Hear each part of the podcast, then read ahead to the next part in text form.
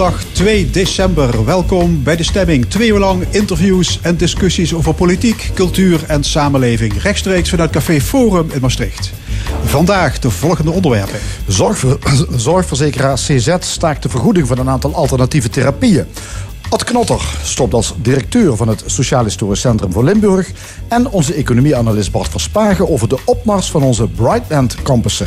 Wordt de kloof tussen de regio's en de Randstad groter? Dat is het onderwerp van gesprek in ons tweede uur met Leon Frisse en Roel Wever. Dan ook een column en het discussiepanel. En muziek, en die is vandaag van Human People.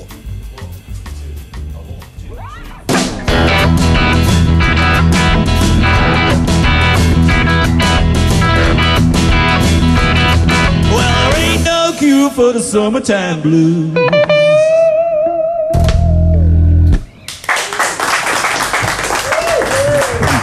Per 1 januari stopt verzekeraar CZ met de vergoeding van een aantal alternatieve therapieën in de aanvullende zorgverzekering. Mensen die gebruik maken van regressietherapie, ayurvedische geneeskunde en craniosacraaltherapie moeten dat voortaan helemaal zelf betalen.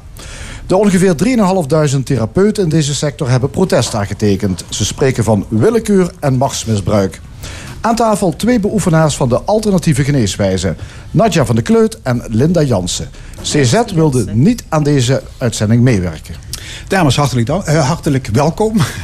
Ehm Natja van de Kleut, hoe erg schrok u van dit nieuws? Dat CZ wil gaan schrappen in dat vergoedingenpakket? Nou, eigenlijk was het echt totaal onverwacht. Ehm, we hebben echt geen enkel signaal gekregen dat dit eh, zou gaan gebeuren. En met mij natuurlijk een heleboel andere therapeuten. Eh, zelfs de beroepsorganisaties die hebben het eigenlijk via de media moeten waarnemen. En ja, toen kwam er dus een hele reeks van acties op gang, waaronder andere die petities. Ja, Linda Linsen, zag u dit aankomen? Of was het voor u ook een donderslag? Het was een donderslag eh, bij helder hemel. Ja. Ik zag het via de groepsapp van de VBAR. Dat is de beroeps, een van de beroepsverenigingen van natuurgeneeskundige therapeuten. Ja, er is ook geen enkel overleg gevoerd met die beroepsvereniging. Helemaal niet. Eh, en dat vijf weken voor 1 januari. Ja. ja.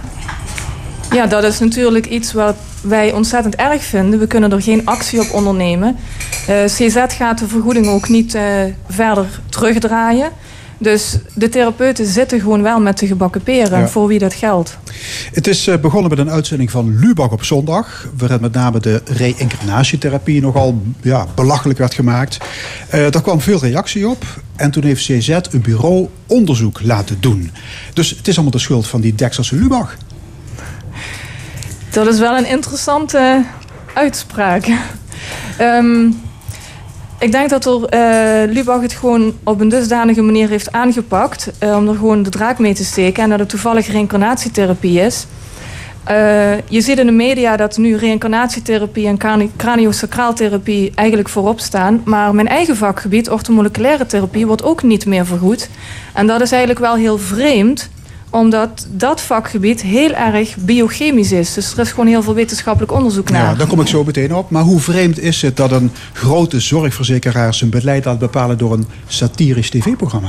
Ja, als dat de toekomst wordt, dat eh, satirische programma's, dat, eh, dat de steekproef wordt eh, voor zaken die er gaan veranderen in het leven, dan, eh, dan houdt het op. Maar ik denk ook dat alles van die satirische programma's te letterlijk genomen wordt. Dat zie je steeds meer gebeuren. Maar goed, CZ dacht, we gaan een enquête houden onder 300 verzekerden. En ja, daaruit bleek dat veel mensen een aantal vergoedingen niet pikt. Hè, reïncarnatietherapie, het is al genoemd. Ayurvedische geneeskunde, craniosacraaltherapie, kinesiologie en fytotherapie. Conclusie, er is geen draagvlak voor die vergoedingen. Nou, kinesiologie wordt, moet ik even herstellen, kinesiologie wordt wel nog vergoed. Dus dat, dat, daar zijn een beetje de meningen over verdeeld. Ik heb het uitgezocht. CZ vergoedt wel nog kinesiologie. Maar 301 mensen, ze hebben bijna 4 miljoen eh, leden. En dat vragen ze 301 mensen. Ik vraag me, Dus het sowieso is een raar getal. on- onderzoekje Dat is onderzoekje een- van niks. Dat is een onderzoek van niks. Ja. Want als daar 12% van die mensen, van die 300, dus gekozen had dat een therapie niet zinvol was, dan heb je het over zes mensen in dat hele onderzoek. Die dus als antwoord gaven dat Ja. dus die therapie niet zinvol was. Als je het over wetenschappelijke insteek hebt, dan is een onderzoek van 300 mensen onder meer dan 3 miljoen is eigenlijk helemaal geen representatieve insteek. Ja, wat mensen vooral belachelijk vinden is die reïncarnatie, oftewel regressietherapie. Kan iemand van jullie uitleggen wat dat is? Nou, dat is een, eh, ehm, een, een therapie, voor zover ik weet, want ik beoefen hem zelf niet. ehm, dat mensen in het huidige leven eh, problemen, angsten meenemen uit een vorig leven. En er hier nu nog last van hebben. En door erover te praten, kunnen bepaalde angsten opgelost worden. Maar er zijn mensen, zoals Lubach, die daar niet in geloven. Dat kan, dat mag. Maar er zijn ook mensen die er veel baat bij vinden. En dan is het toch een zaak om dat eh, eh, te blijven uit. Ja. eh, Maar goed, als je niet gelooft in vorige levens, dan heb je dus een probleem met dit soort therapieën. Ja, maar waar het om gaat... Wij, wij zijn allemaal... eh, ze hebben ons moeten laten opleiden. De MKB, de MBK bedoel ik, de medische basiskennis hebben we nu moeten laten doen. Of sommigen de psychosociale basiskennis, allemaal op hbo-niveau. In de basis hebben we alle therapeuten nu dezelfde opleidingen als basis. Daarbij hebben we ons gespecialiseerd in bepaalde therapieën. Dus dat was ook de eis van de ziektekostenverzekeraars. Wij doen, we voldoen aan alle eisen. Ja, dus vanaf 2015 is dit erin gezet. Dus het is nog eigenlijk heel Ja. recent dat de verzekeraars eisten dat die medische kennis er gewoon in Ja, moest. dus veel therapeuten worden op kosten gejaagd Ja, door absoluut. CZ. Per 1 door januari. allerlei extra cursussen te Ja, volgen. Absoluut. En vervolgens jaagt CZ de, de klanten weg. Ja, Eigenlijk wel, want dat is ook heel vervelend. De cliënten van de verzekerden van CZ die hebben nu minder keuzemogelijkheden. Dus eigenlijk ontneemt CZ de cliënten om een keuze te, eigen keuze te maken wat ze wel en niet zouden willen volgen. Ja, goed. Ja, we kunnen het CZ niet vragen, want ze willen niet aan deze uitzending maar, maar, de, maar de prijs van de aanvullende verzekering blijft wel hetzelfde. Je krijgt dus eh, minder voor hetzelfde, voor hetzelfde geld. Hè? Maar als het gaat om natuurgeneeskunde, dan is de standaardkritiek ja, allemaal leuk en aardig. Maar er is geen enkel wetenschappelijk bewijs dat het werkt. Wat zeggen jullie dan? De vraag is of je altijd wetenschappelijk bewijs moet hebben. Als je kijkt hoe lang de, de katholieke of protestantse kerk aanwezig is in Nederland, dan heb je het ook over niet wetenschappelijk, maar een heleboel mensen geloven daarin. Eh, aan de andere kant zijn er bij een heleboel therapieën, onder andere ook Ayurvedische therapie, orthomoleculaire therapie, fytotherapie, waarin wel degelijk veel wetenschappelijk eh, bewijs is geregeld, verzorgd. In Amerika heel veel, in eh, India, in Aziatische landen. Er is zelfs een eh, eh, Nobelprijs uitgereikt aan herboristen. Dus er is wel heel veel onderzoek gaande, ook binnen de homeopathie, Ja. wat eigenlijk maar net zo vaag gezegd, is. in de laboratorium is nog nooit iemand een, een chakra tegengekomen. Ja, Nee, dat dat zijn moeilijke zaken, die kun je ook niet meten. Nee, maar dat kun je met Maar- geloof in een kerk ook niet. Nee, maar eh, wij kennen 80% van de natuurwetten niet. Dus die kunnen we ook niet meten nog. Einstein was ook heel raar in zijn tijd. Terwijl het nu eigenlijk een bekende Ja, onderzoeker is. ja. en ik heb zelf eh, eh, iemand van de raad van bestuur van het ziekenhuis in Maastricht horen zeggen... 80% van wat wij hier doen is niet bewezen. Dus dat, is wel... bestuursvoorzitter van het Ja. academisch ziekenhuis Maastricht. ik had- 80% ik had een- van wat we doen is niet Ze- bewezen. Ze organiseren bijscholingen. Dat ging toen over de hersenen. Dat waren vijf sessies. Daar ben ik naartoe geweest. Hier, eh derdejaars studenten geneeskunde organiseren die. Ben ik naartoe geweest. Het was best wel leuk, moet ik zeggen. En de laatste avond kwam iemand van de raad van bestuur. En eh het is goed dat ik in de stoel zat. Hij zei 80% van wat wij hier doen is niet bewezen. En wij worden er constant mee om Ja, onze oren geslagen. Wij moeten constant Ja. in de verdediging zitten. Mevrouw Lins, u heeft een natuurgeneeskundige praktijk in Born, Ja. Senti Sono. Ja. En uw specialiteit is leveracupunctuur. Nee, laser. Met een laser. Ik met laserlicht. telefoon lever. Nee, laser. Laser. Laserlicht. En voor welke klachten is dat bedoeld? Voor heel veel klachten. Ehm, ik werk veel met allergieën. Ehm, eh, plaatselijke pijn, pijnplekken. Ehm, waar werk ik nog mee? Ik haal veel ook eh, eh, darmproblemen weg. Ik werk veel met spijsverteringsstelsel, allergieën. En ik, ik, ik test ook kinesiologisch. Ik kan testen of mensen virussen, parasieten, schimmels hebben... of ze voedingstekorten hebben. Wij krijgen de mensen die uitgedokterd zijn. Ja, geldt voor mij ook. Heel dus veel over het mensen. algemeen de, de zwaardere gevallen. Vaak wel. Ja, mensen die ook. eh, daarnaast werk ik ook eh, samen met trajecten. Ja, u bent orthomoleculair therapeut hè? Klopt. In, in Geleen. U heeft eh, Navita. Wat, Klopt. wat doet u precies? Ehm, ik ben eh orthomoleculair opgeleid. Dat wil dus zeggen dat ik eigenlijk de biochemie van het lichaam weer probeer te herstellen. Dus ik kijk echt hoe werkt de cel en waar zijn klachten. Dus een klacht als vermoeidheid kan bijvoorbeeld komen doordat iemand heel veel stress heeft. Dus dan is er een bijnierprobleem. Maar het kan ook zijn dat er een vitaminetekort is, zoals B12. Ehm, daar ga ik dus eh, naar kijken. En dan geef ik de juiste middelen, schrijf ik dan voor. En die kunnen mensen een tijd gebruiken. En dan merk je dat er eigenlijk verbetering komt. Zo eh, werk ik bijvoorbeeld ook met een eh, mevrouw die heel veel pijn heeft, chronische pijn. Is uitgevallen van het werk. Ze is regulier in behandeling, heeft een bewegingsprogramma gevolgd, is bij een psycholoog in gesprek. En bij mij krijgt ze ondersteunende middelen. En juist die combinatie werkt eigenlijk voor haar heel goed. Dus eigenlijk zou dat aanvullend. Wij werken heel erg aanvullend Ja, in dat werken opzicht. heel erg aanvullend. Ik vind alternatief is misschien ook wel een verkeerd woord, want wij waren er eerst. Dus ik denk dat eh, regulier alternatief is. Maar wij kunnen heel goed complementair werken. En wij krijgen gewoon veel mensen die uitgedokterd zijn, die niet meer weten waar ze naartoe moeten. Dus als je onze, begroep, eh, onze begroepsgroep gaat tegenwerken, waar moeten die mensen dan straks naartoe? Dan Ik krijg je en meer het zieke, eh, krijg meer zieke mensen, of de zorgkosten worden steeds duurder. En uiteindelijk zullen mensen toch behoefte hebben aan bijvoorbeeld iets als orthomoleculaire zorg. Hè. In Limburg is CZ gewoon een van de hoofdverzekerden. Dus mensen zullen toch op zoek blijven gaan. Maar ja, het wordt ze wel moeilijk gemaakt omdat ze die keuzevrijheid vanuit CZ eigenlijk niet meer helemaal krijgen. Ja. Nu blijft de acupunctuur wel van goed. Eh, ook homeopathie, osteopathie, chiropractie enzovoorts. De beroepsvereniging spreekt van willekeur.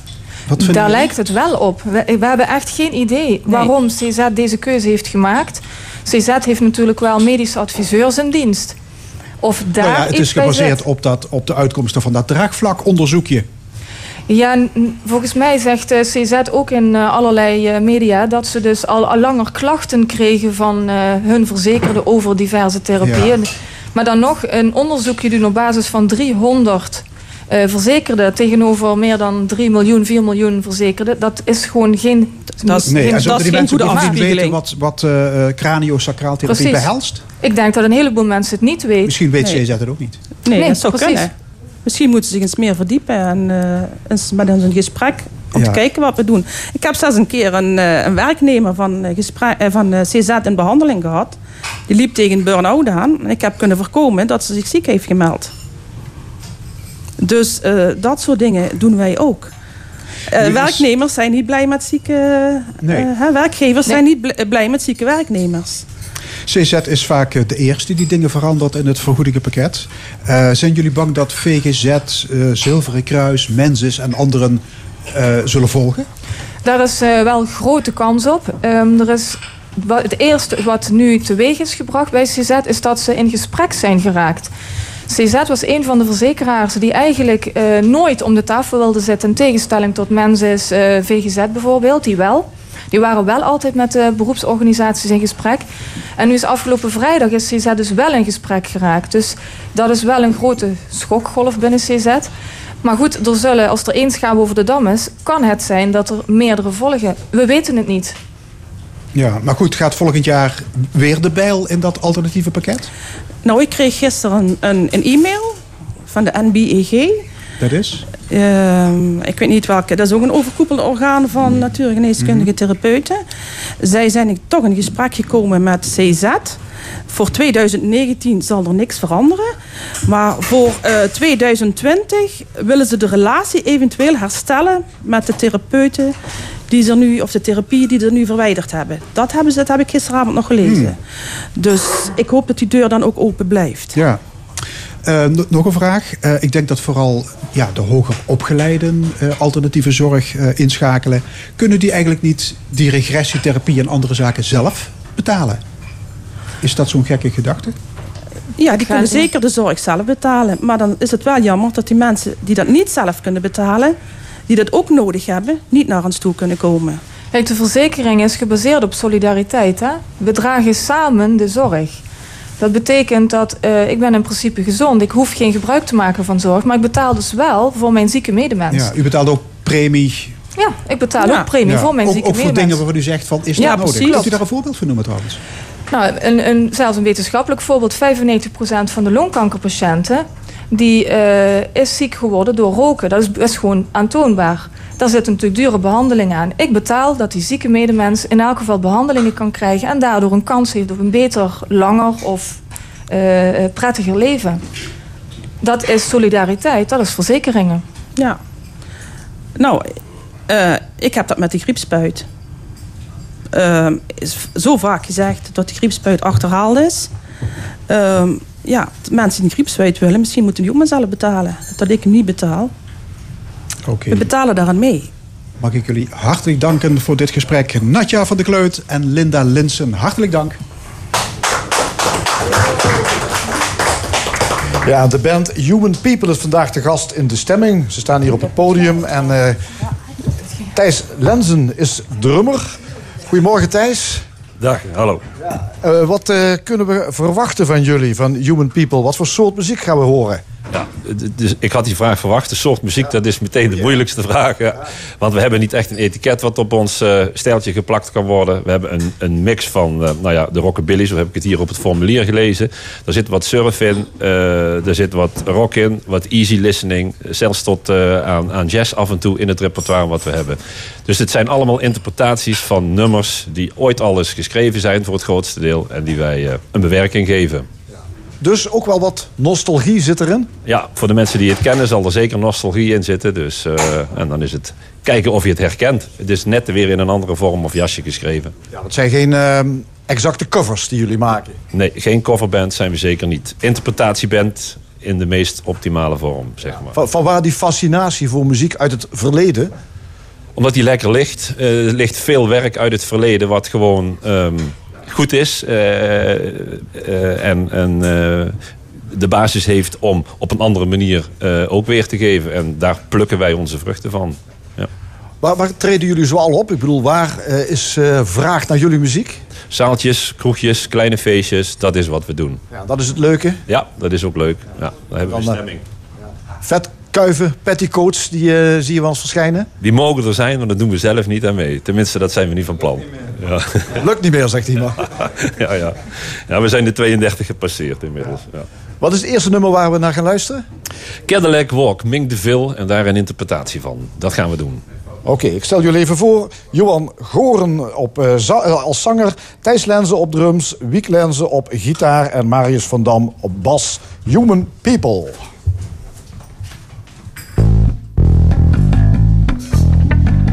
Moon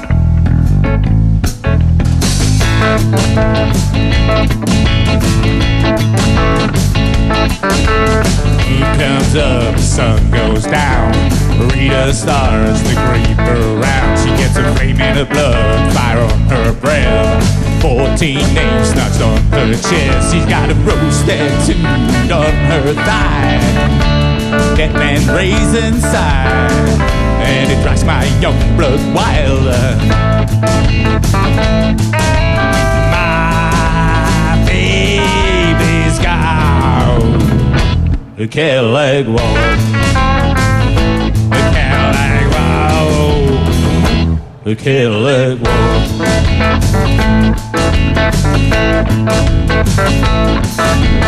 Rita turns down her bed. Romance pleading, they beg. Baby, honey, baby, you're the one.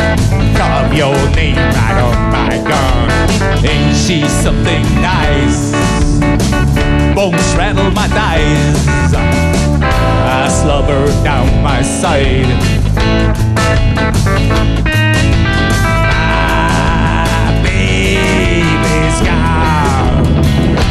The Cadillac walk. The Cadillac walk. The Cadillac walk.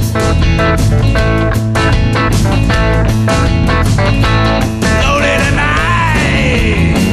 Honey, hear my call. She said, boy, You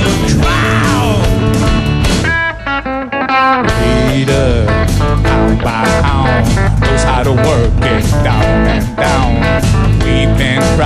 To and through. Leave your heart, she steal your gold.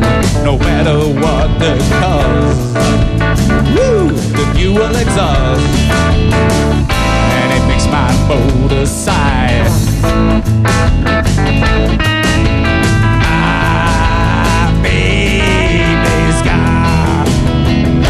the Cadillac wall. The Cadillac wall. The Cadillac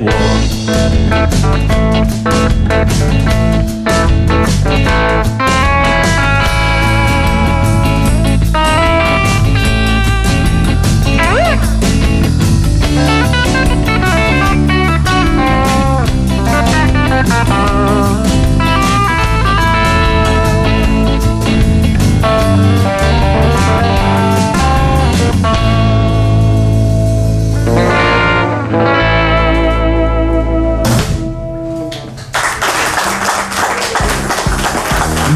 Analist.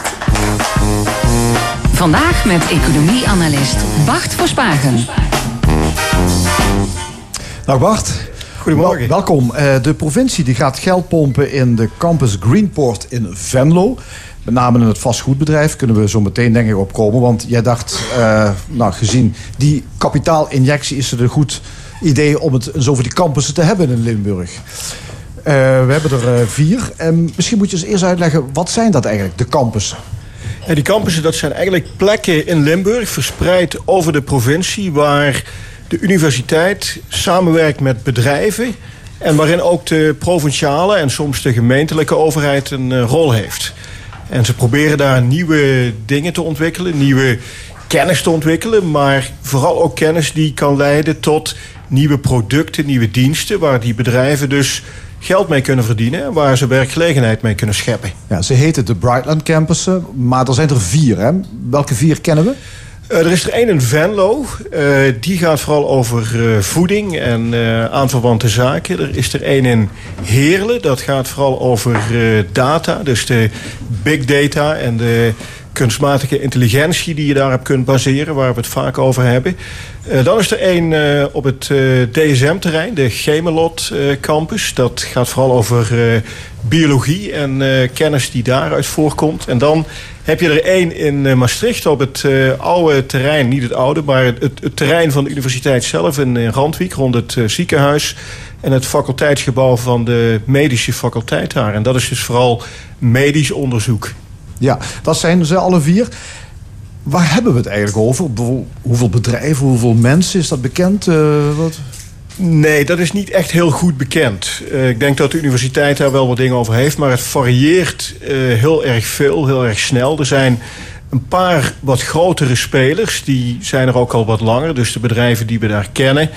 Eh, in Heerlen is dat bijvoorbeeld ook het ABP. Dat is dan niet echt een bedrijf, maar een, een pensioenfonds. Ja, die werken veel met, eh, met data. En die kunnen dat soort kennis eh, ook heel goed gebruiken. Ja, DSM zit er natuurlijk ook in, hè? in, in Geleen. DSM zit er Ja. ook in. Het is eh, dat op het eh, grote- terrein van, de, van DSM. Ja. Ja. Maar daarnaast zijn er veel start-ups, zoals dat tegenwoordig heet. Ja, dat is in ieder geval de bedoeling. Dat er heel veel nieuwe bedrijven zijn die beginnen. Ook bedrijven die voortkomen uit de universiteit. Eh, dus onderzoekers die iets ontdekken en die zeggen van ja, hier kan ik iets mee, hier kan ik geld mee verdienen, hier kan ik economische bedrijvigheid mee scheppen. Die worden aangemoedigd om een eigen bedrijf op te zetten. En de universiteit participeert daar dan ook in. Het zijn er niet zo heel veel, maar er zijn er wel een paar. En er zijn er ook best wel een paar die eh, succesvol zijn op dat gebied. Het gaat dus om die samenwerking van overheid, universiteit en bedrijven. Heeft het een meerwaarde dat het op deze manier in elkaar gestoken is als campus? Ja, het heeft, het heeft zeker een meerwaarde. Het is eh, iets wat ja, een beetje modieus is. Eh, het is niet alleen in Limburg iets wat gebeurt, maar het gebeurt eigenlijk over de hele wereld heen. Eh, er is ook een hele mooie term voor, een Engelse term natuurlijk. Triple helix wordt het genoemd. Dat zijn ja, dus een, een drie-eenheid van, van overheid, bedrijven en universiteit. En ja, dat heeft echt wel een meerwaarde, of kan een meerwaarde hebben, omdat het iets aan elkaar toevoegt. Een universitair onderzoeker die alleen maar nieuwe kennis zit te bedenken, of een bedrijf dat zonder dat het die kennis heeft probeert iets nieuws te doen, dat werkt veel minder goed dan wanneer al die partijen met elkaar samenwerken. Want die onderzoeker die alleen bezig is, is misschien veel te, veel te veel bezig met wetenschappelijke deel van het werk. Of hoe, moet ik het zien? Ja, eh, zo'n onderzoeker aan de universiteit die heeft eigenlijk als hoofdtaak om wat we dan noemen fundamenteel onderzoek te doen. Dus gewoon te onderzoeken hoe zit de wereld in elkaar. En ja, een andere onderzoeker die dan vaak bij een bedrijf zit, die heeft dan weer eh, de taak om die kennis die gebruikt wordt, om die dan ook toe te passen. Bijvoorbeeld eh, op het gebied van, van medicijnen, op het gebied van gezondheidszorg, waar we het net ook over gehad hebben. Ja, waar, waar komt het eigenlijk vandaan, het idee? Ik hoorde je al zeggen, van het, eh, je ziet het over de hele wereld. Dus eh, iemand moet het bedacht hebben ergens. Ja, het is eh, eigenlijk een idee dat eh, natuurlijk ook weer uit de Verenigde Staten komt. En eh, je hebt daar een heel romantisch eh, idee. Mensen hebben de term misschien wel eens gehoord. Silicon Valley. Dat is een gebied in Californië in de VS, net onder eh, San Francisco. En daar is eigenlijk een heleboel van wat wij tegenwoordig eh, in computers en software gebruiken, is daar ontwikkeld. En dat is een heel romantisch idee dat je zegt van ja, als je daar rondloopt en je loopt een restaurant binnen of een bar, dan kom je mensen tegen die dat soort dingen doen. Die met elkaar in dat restaurant aan het bespreken zijn welke start-ups ze weer gaan opzetten en hoe dat de wereld zal gaan veranderen. En dat hele romantische idee, dat ja, wordt eigenlijk geprobeerd om over de heel, hele wereld te imiteren. Iedereen wil zo'n Silicon Valley eh, binnen zijn grenzen hebben. En vaak wordt dat dan ook een valley genoemd. In Limburg hebben we denk ik de Food Valley. Er moet altijd een valley bij om het een beetje modieus en aantrekkelijk te maken. Ja, ja. Het is eigenlijk een grote speeltuin voor nerds. Dat is het ook, maar eh, het is wel iets wat uiteindelijk ervoor zorgt dat er banen ge- ge- geschapen worden, dat er nieuwe bedrijvigheid komt, dat er winsten gemaakt worden en waar iedereen dus ook van profiteert. Hè. Kijk naar wat wij aan ICT-apparatuur gebruiken. Nou, dat komt inderdaad uit die speeltuinen voor nerds. Ja, maar ik kan me voorstellen dat als universiteit heb je natuurlijk de taak om te zorgen dat je goed fundamenteel onderzoek doet, wetenschappelijk fundamenteel onderzoek. Wat, wat heb je als, bijvoorbeeld als universiteit aan die campus? Want je zou kunnen zeggen, wij doen ons onderzoek en wa- waarom zouden wij als universiteit ook nog dat moeten vermarkten? Daar zijn we niet voor. Ja, dat is een, hele goede vraag. Het, het is een beetje een tweeledig iets. Aan de ene kant eh, zijn universiteiten natuurlijk altijd op zoek naar meer geld om dat onderzoek te doen. En als er bedrijven zijn die dat geld willen geven, dan is dat natuurlijk een middel. Maar ik denk dat het in Limburg en voor de Universiteit Maastricht toch vooral ook een zaak is om dat eigen imago een beetje te verbeteren. In het verleden, toen die campussen er nog niet waren, toen was de universiteit iets, ja, dat zat in Maastricht, eh, een paar panden in de binnenstad en dan het ziekenhuis en wat daar omheen zat. En ja, veel mensen hadden niet echt een idee van wat dat nou was. En mensen worden dan vaak ook kritisch. Er komen heel veel buitenlandse studenten. Ja, wat heb je er dan eigenlijk aan aan zo'n universiteit? En als zo'n universiteit dan ook buiten Maastricht zich manifesteert en dat ook doet met hele gerichte publiciteitscampagnes, dan ja, hoopt men natuurlijk dat het publiek in Limburg, ook de provinciale eh, beleidsmakers, dat die daar allemaal wat positiever tegenover komen te staan. Ja, is, bestaat er ook niet het gevaar dat je je gaat overleveren aan de commercie als wetenschap? Want het is natuurlijk het geld dat toch dicteert welk soort onderzoek natuurlijk eh, daar uitgevoerd wordt. Wat ja, commercieel interessant is. Dus hang je je daar dan als wetenschapper niet aan op? Ja, dat is inderdaad een gevaar. En dat is ook iets waar eh, de laatste tijd wel veel meer aandacht voor is. Er zijn allerlei gedragscodes voor wetenschappers... waar alle onderzoekers bij de universiteit zich aan dienen te houden. Maar ja, ondanks die gedragscodes eh, zijn er altijd nog gevallen waar je ziet dat het toch misgaat. Hè. Onderzoekers die in opdracht van een bedrijf, vaak een farmaciebedrijf, eh, die medicijnen ontwikkelen, dan een onderzoek doen wat precies aantoont dat eh, dat, dat medicijn heel goed gaat en, en andere misschien niet. Dus er zijn wel degelijk gevaren aan dat soort samenwerkingsverbanden, maar ja, de universiteit eh, is eigenlijk steeds bezig om die wel binnen de perken te houden, die gevaren. Ja, kan dat wel. Maar heel veel hoogleraren staan gewoon op de loonlijst van een bedrijf. Dus ja. Eh, nou, op de loonlijst, dat valt wel mee, denk ik. Ik denk dat er, eh, dat, dat is vooral een speciale categorie van hoogleraren... die een reguliere baan heeft in het bedrijfsleven... en dan een bijbaantje voor eh, parttime bij de universiteit heeft. Verder is het vooral het onderzoek wat gefinancierd wordt. En ja, natuurlijk, die gevaren zijn er. Maar ik denk dat openheid ook een heel groot, groot goed is. Dus die hoogleraren worden ook gedwongen om daar open over te zijn. Op de website van de universiteit kun je voor iedere hoogleraar, ook voor mij, vinden wat voor andere dingen ik doe buiten de universiteit en eh, wie dat betaalt. Ja. De provincie gaat nu geld pompen in de campus Greenport. Dat is die in Venlo, hè, die jij al noemde, een van die vier. Met name in het vastgoedbedrijf. Want er staan een paar gebouwen op dat terrein. Maar blijkbaar is, althans dat geven ze ook aan... er is geen particuliere investeerder te vinden om dan nieuw vastgoed neer te zetten. Dus moet er provinciaal geld bij? Is dat logisch dat dit zo gebeurt?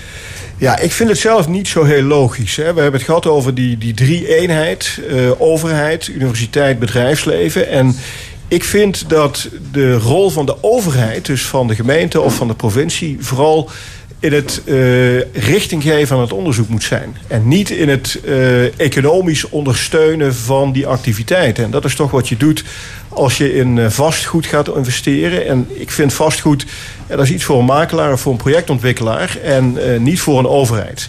Maar je ziet dat natuurlijk niet alleen hier. Je ziet het ook in andere gevallen. Roda en het stadion is een, is een ander voorbeeld. Overheden tuinen daar toch steeds weer in uh, committeren zich één keer en dan blijkt later dat ze er uh, voor langere tijd aan vastzitten. Ja, want eh, je, je, raakt wel een beetje alert. Je denkt van als er geen commerciële partij te vinden is die daar gebouwen wil neerzetten, dan is dat misschien ook een teken aan de wand. Ja, absoluut. Dat, dat is een teken aan de wand. En ik denk dat het vooral een teken aan de wand is van het proces waarin die universiteit en die bedrijven en die overheid op zoek moeten naar wat je nou eigenlijk daar wil doen. Je kunt als universiteit zeggen, ja, wij hebben een expertise op het gebied van onderzoek wat te maken heeft met voedsel. Hoe kan voedsel onze gezondheid beïnvloeden, positief beïnvloeden, uh, et cetera. Maar zijn er dan in die regio ook weer genoeg bedrijven die dat ook doen? Of zijn er in die regio vooral bedrijven die behoefte hebben aan andere kennis? En dat proces is toch iets wat vaak uh, te snel gebeurt. Er wordt niet goed genoeg gezocht naar een link tussen wat er in de universiteit is en wat bedrijven nodig hebben. Ja. Bart, er zijn uh, ja, miljoenen euro's belastinggeld geïnvesteerd in die Limburgse Brightland campussen. Werken ze zoals gehoopt? Voldoen ze aan de verwachtingen? Ik denk dat het uh, te vroeg is om uh, dat echt uh, goed te kunnen beantwoorden. En, ja, dus die effecten zijn na acht jaar nog altijd niet meetbaar? Nee, die zijn heel moeilijk meetbaar. Het zijn ook effecten die op de lange termijn pas gaan werken. een innovatie die een bedrijf maakt... Dat gaat de eerste paar jaar heel stroef. En ja, daarna gaat er iets gebeuren. Dus het is sowieso heel moeilijk om dat te meten. Ja. Uh, en ja, om het uh, echt in zijn geheel te meten is, is ook moeilijk. Zijn... Ja, maar de provincie zei in de tijd... die investering van 110 miljoen euro... die verdienen we dubbel en dwars terug. Is dat uitgekomen? Of is dat zelfs dat, moeilijk? Dat, dat is heel moeilijk, moeilijk om dat te zeggen. Ja. Ik, uh, ik, denk niet dat, ik denk dat dat een wat overmoedige uitspraak is geweest. maar ik denk niet dat het terugverdiend is op dit moment. Op de langere termijn kan het misschien terugverdiend worden, maar op dit moment nog zeker niet. Ja, jouw collega uh, hoogleraar economie Hans van Bierlo, die zei bij de start in 2011: wat als het misgaat? Het gaat wel om belastinggeld. Ga met dat verhaal maar eens naar de kiezer. Dat is in ieder geval niet bewaarheid, hè? Het nee. is geen fiasco geworden. Nee, het is, kijk, dit soort projecten zijn uh, niet van dat soort projecten waar het echt heel erg mis kan gaan. Uh, er zit hier altijd een goed iets aan. Als jij onderzoekers hebt die je betaalt, die hebben gewoon een positief effect. Uh, de onderzoekers die hier naar Maastricht komen om bij de universiteit te werken, die geven hun geld uit in de Maastrichtse winkels. Dat heeft al een effect. Dat betekent niet dat het werk wat ze doen, de innovatie die ze leveren, de kennis die ze leveren, dat die ook dat beoogde effect heeft. Maar dat andere effect is er zeker. En in die zin kan het eigenlijk nooit misgaan ja, met dit soort Ik heb wel eens gelezen dat dat hele idee 300 kleine bedrijfjes en start-ups heeft opgeleverd. Dan mag natuurlijk ook wel eens wat mislukken, hè? Ja, dat is inherent aan het eh, hele idee van innovatie. Innovatie is iets dat risicovol is en er gaat behoorlijk wat mis. Er zijn een heleboel projecten die niet lukken, maar de projecten die wel lukken, die hebben vaak een uh, hele hoge economische opbrengst. En die ja. ja. maken dus dat verlies op die andere projecten goed. Tot slot, is het campusverhaal voor verbetering vatbaar? Het is altijd voor verbetering vatbaar. En wat ik net ook al gezegd heb, ik denk dat er vooral eens heel goed gekeken moet worden naar, ja, zit die kennis wel goed bij elkaar? Doet de universiteit wat bedrijven willen? Heeft de provincie misschien ook een visie op wat we moeten gaan doen op die campus en hoe dat voor Limburg nuttig kan zijn? Daar kun je beter over nadenken. Oké, Bart Verspagen, onze economieanalist, hartelijk dank. Dit is L1 tot 1 uur met politiek, cultuur en wetenschap in De Stemming. Live vanuit Café Forum in Maastricht. En we hebben zoals elke zondag live muziek. Vandaag Human People met Red Right Hand.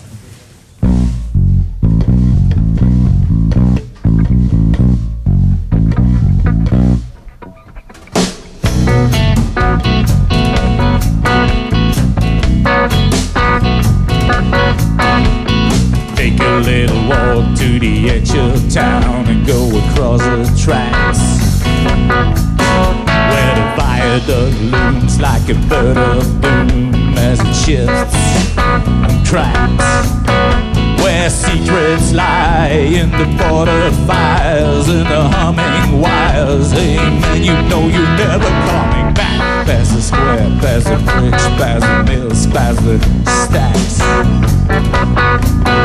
On a gathering storm comes a tall some man in a dusty black with a red right hand.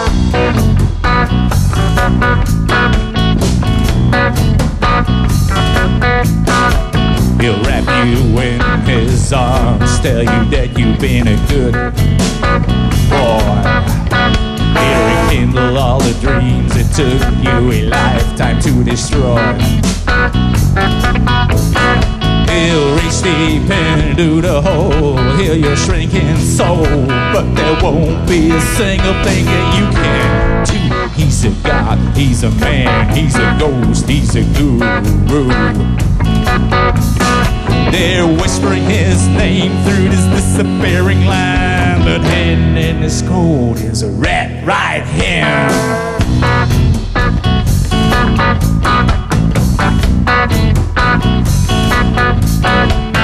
Don't have no money, he'll get you some. You don't have no car, he'll get you one. You don't have no self-respect. You feel like an insect. Well, don't you worry, buddy Cause here he comes. Through the ghettos and the barrier And the bower and the slum A shadow is cast wherever he stands. Stacks of green paper in his red right hand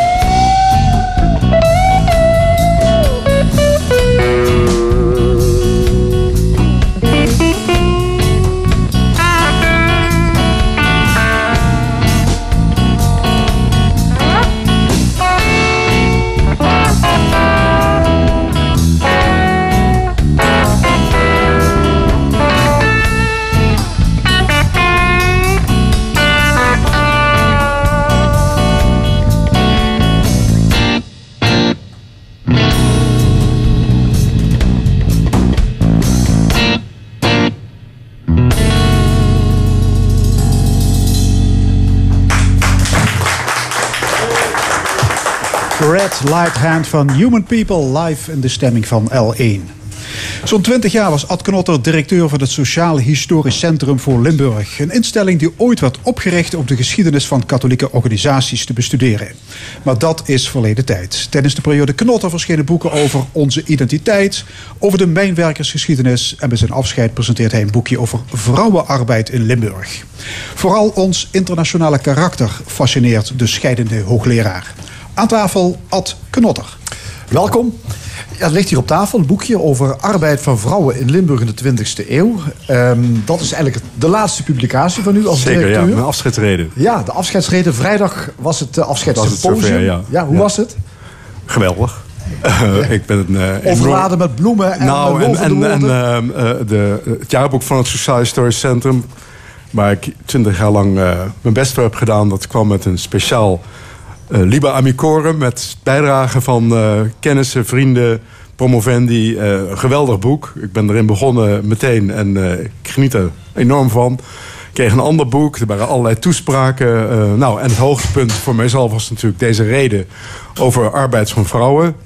Voorafgegaan door een symposium waar werd gepraat over het genderperspectief, zoals dat heet, in de geschiedschrijving. Hoe dat uh, nou ja, zich ontwikkeld heeft de laatste 25 jaar. Dus ik ben echt enorm ja, in het zonnetje gezet. Je zit een tevreden man tegen Nou, mag je wel zeggen, ja. ja, ja zeker wel. U dacht, uh, voordat ik wegga, moet dit nog geschreven worden. Arbeid van vrouwen in Limburg in de 20e eeuw. Ja, de, uh, ik denk dat de, in de geschiedwetenschap... een van de belangrijkste vernieuwingen van de afgelopen 20 jaar... is wat dan heet in de geschiedschrijving het genderperspectief. Dat je de, de man-vrouw verhoudingen veel meer centraal stelt in de geschiedschrijving. Hoe toch 50% van de bevolking altijd maar onder laten we zeggen, ondergesneeuwd is in de geschiedschrijving. En er werd steeds maar voor ondersteld dat wat voor mannen geldt, geldt ook voor vrouwen. Maar dat is per se niet waar. Uh, hoe die verhouding sociaal, cultureel, maatschappelijk uh, werd vormgegeven... is een steeds belangrijker thema in de geschiedschrijving. En dat is in Limburg eigenlijk natuurlijk niet anders dan elders. En het is in de geschiedschrijving eigenlijk niet, nog niet goed naar voren gekomen. Daar zit een lacune, daar zit een, ja. een desideratum, zeg maar, omdat te ontwikkelen. En als mijn eigen specialisme is uh, de geschiedenis van arbeid en beroep. Dus ik heb gedacht, nu ga ik dat dus op de kaart zetten in mijn afscheidsreden... om aan te tonen hoe belangrijk het is dat we dat apart gaan onderzoeken. Ja, opmerkelijke conclusie van dit boekje vind ik wel... dat we het idee hebben dat vrouwen vroeger allemaal huisvrouwen waren. Ja. Hè? Vraag het iemand en iemand zal dat. Maar dat is helemaal niet waar. Die Nee. vrouwen die waren hartstikke actief in Limburg. Zeker, zeker. 20e En zeker in Limburg, hè, want ik eh, toon dan ook aan dat dat in Limburg... dat er naar verhouding meer vrouwen werkten eh, dan in Nederland. Waar Dus werkten die dan allemaal, die vrouwen? dat- eh, nou, heel belangrijk de landbouw. In Limburg was, heb je heel veel kleine boerenbedrijfjes al van oudsher. En dat waren gezinsbedrijven. Heel veel En- boerinnen en boerendochters die boeren, boerinnen en boerendochters die werkten zich uit de naad om mee te helpen om dat bedrijf. eh, dat bedrijf kon alleen maar drijven op die arbeidskracht van die vrouwen en die dochters en hun zoons natuurlijk. Eh, omdat arbeid vaak te duur was, eh, externe arbeid. Dus die bedrijven die dreven op die inzet van die arbeidskracht van die vrouwen. Die moesten als, vanaf jonge leeftijd moesten die in dat bedrijf werken. Ja, en in de fabrieken? Tweede belangrijke eh, bron van werkgelegenheid voor vrouwen was zeker in Maastricht de aardewerkindustrie. Waar heel veel vrouwen werkten, ook gehuwde vrouwen. Ehm, nou ja, dat zijn dan de twee belangrijkste sectoren waar. eh, Ja, en ik denk aan de, de mijnwerkers eh dat was gezinnen. natuurlijk Daar, daar werkten alleen Daar maar de werkt- mannen. werkt- nou, dat is niet helemaal waar. Vrouwen werkten daar ook heel, Ja, heel... sorry, ze- alleen de man had betaald werk. Precies. Zo moet ik het zeggen. Want dat mijnwerkersgezin, dat dreef eigenlijk op eh, de arbeid van de vrouw. Hè. Dus die man die kon dat alleen maar doen in, die, in, dat, in dat mijnwerk. De Onregelmatige diensten, keihard werken. Die had echt helemaal geen kans om ook maar iets in het huishouden te doen... aan het opvoeden van de kinderen. De shifts waren er, dus die eh, schichten, eh, dat goed, eh, goed Limburgs. Ja. Dus die, die vrouw die was absoluut noodzakelijk om... Met haar arbeid, om dat, mijnarbeid mogelijk te maken. Die moest Alleen- de pummel wassen en die moest zorgen dat er Precies. gekookt werd. Maar Ja. die werd alleen niet als, dat werd niet als een beroep gezien. Ze werd er ook niet voor betaald. Maar ondertussen was haar werk natuurlijk wel heel belangrijk. Ja. Mag je zeggen dat dus het idee de man als kostwinnaar... dat dat eigenlijk eh, alleen maar bestaan heeft, korte tijd... Ja. Ja, de tijd van Dat is, maar dat is niet alleen in. Limburg hoor. Dat is, dat is in, eh, in heel eh, Europa, West-Europa, Amerika. Dat eh, tot, laten we zeggen, ver in de 19e eeuw. eh, vrouwen eh, op hun manier allemaal wel hun bijdrage leverden aan de economie. Aan het eh, eh, gezinsinkomen. Maar dat dat eh, in de loop van de 19e en 20e eeuw steeds meer is teruggedrongen. Dat dat mannelijke kostwinnersgezin, zoals het heet, dominant werd. En we zijn het nu weer kwijt aan het raken. Het is nu weer aan het zullen te verdwijnen. Dus het idee van de vrouw als huisvrouw en de man als kostwinnaar... is, heeft niet maar heel kort Nou, bestaan. de ja, geschiedenis. eh, als je het he- wereldhistorisch bekijkt, is dat een, een bepaalde episode die. eh, ja, ja. Ja. U bent 20 jaar directeur geweest van het Sociaal Historisch Centrum in Limburg. Wat is in die 20 jaar historisch gezien bereikt? Zijn er kennissprongen gemaakt? Op welke terreinen we dat zeker. Dat, er zijn zeker kennissprongen gemaakt. Ik, eh, een van de belangrijkste producten is denk ik niet zozeer van, van eh, het Sociaal Historisch Centrum, maar recent die Limburg een geschiedenis, drie delen, waar eigenlijk alle kennis die de afgelopen twintig jaar is verworven, is samengebald. Dat hebben we hier ook besproken, alweer Ja. een paar jaar geleden. En daar kun je eigenlijk in vinden wat in, in Limburg is bereikt. Ik moet wel zeggen dat het nog als u een paar terreinen zou kunnen noemen, nou, van, nou, ik, dat ik zijn denk wel- zelf eh, dat als je aan die bundel ziet... dat de belangrijkste bijdrage is geweest... eh, de, gek genoeg, de, de prehistorie, de, de, de archeologie, de vroege middeleeuwen. Daar zijn enorme sprongen vooruit gegaan. Niet zozeer door onderzoekers hier in Limburg, maar elders in het land. Eh, en dat komt natuurlijk omdat Limburg zo belangrijk was. Hè, of wat, Limburg, er hebben zit het veel over- aan de grond Het gebied hier ja. was natuurlijk al heel vroeg een gebied waar een enorme cultuur was. Eh, sim- ik ben economisch historicus, dus het is vrij simpel. De grond was hier enorm vruchtbaar. Dus het was heel makkelijk om je hier te vestigen. Dus al van voor, ver voor de Romeinse tijd was hier een bloeiende cultuur. En daar is heel veel onderzoek naar gedaan, ook in de Romeinse tijd. Eh, wat betreft de moderne tijd, waar ik zelf enorm heb ingespannen, is die mijnbouwgeschiedenis. is die, heel veel denk publicaties heel veel mijnbouw. publicaties. Ja. En de- daar, daar is, hoewel daar nog best wel veel over te zeggen is. Maar daar is dat is heel goed ontwikkeld. Eh, en zo zijn er nog wel meer voorbeelden, maar anders word ik. eh, eh, Ja, nou, ik zit zelf te denken aan de identiteit. Dat is natuurlijk een onderwerp waar ook heel veel over geschreven is. Wat is Limburg? Is er eigenlijk wel een Limburgse geschiedenis? Wie heeft zelf ook de mythe doorgeprikt dat Nederlands en Belgisch Limburg iets samen hebben? Of dat er iets van Ja. een Rijnlandse cultuur is? Ja, die discussie over die Limburgse identiteit die is natuurlijk eh, al heel lang, maar is de laatste 30 jaar ook weer sterk opgekomen. Eh, en er zijn heel veel verschillende invalshoeken in. Maar ik, mijn stelling is dat die Limburgse identiteit is, is geconstrueerd, gevormd. dankzij de in, incorporatie van deze streken. Limburg bestond aanvankelijk helemaal niet. Maar door, door de vorming van die provincie in de Nederlandse staat. En dat dus die, de integratie in Nederland heeft geleid tot een Limburg-gevoel. Door de Hollanders hebben wij onze identiteit gevonden. Precies. Ja, dus dat is een paradoxale ontwikkeling natuurlijk. Een, een, ik, noem het, ik kan het ook dialectiek noemen. Maar de, de, de, de- dat- het feit dat Limburg, of de streken die later Limburg gingen vormen... steeds meer deel gingen uitmaken van Nederland... on- ontdekten de mensen die hier woonden... dat ze iets gemeenschappelijk anders hadden dan de rest van Nederland. En dat is de, wat de Limburgse identiteit maakt. Ja, dus En dat- carnaval en vlaai en, eh, en, en appelstroop en weet ik veel allemaal. Dat is allemaal Katholiek, dat is allemaal hebben wij als iets eigens omarmd, On- omdat het anders is. Ja, omdat het anders is dan het nationale verhaal. En omdat dat zo met elkaar verbonden is, kan het per definitie niet hetzelfde zijn als wat er in Belgisch Limburgs gebe- gebeurt. Waar ze diezelfde, datzelfde proces hebben doorgemaakt, alleen in relatie tot de Vlaamse beweging en de Belgische staat. Dus er zijn twee Limburgse identiteiten die niet inherent hetzelfde eh, oorsprong hebben, maar wel dezelfde mechanisme, zeg maar, maar niet eh, het, dezelfde basis. En dat is mijn stelling, dat dus Limburg, de tweede, beide Limburgen minder vanzelfsprekend bij elkaar horen dan wel wordt beweerd. Ja. En dat idee van een grote Rijnlandse cultuur. Dat heb ik ook. eh, eh, voor mij is dus, mee, eh, het kenmerkend van Limburg dat het een grensgebied is. Dat dus allerlei invloeden op territoriaal, economisch, cultureel op werkzaam zijn. Die allemaal op een bepaalde manier zich hè, in strijd met elkaar komen of een, een verbinding met elkaar aangaan. En het grenskarakter van Limburg heeft voor mij, die de afgelopen twintig jaar steeds centraal gestaan in mijn onderzoek. En ik denk dat dat Limburg veel beter karakteriseert dan een soort statische identiteit of een uh, Maas-Rijn-identiteit. Maar dat, dat het steeds onder invloed stond en, en een strijdgebied was van verschillende eh, nou ja, invloeden van buitenaf. En dan niet alleen Nederland, maar Duitsland, België, Frankrijk. Dat dat kenmerkend is voor Limburg. Ja.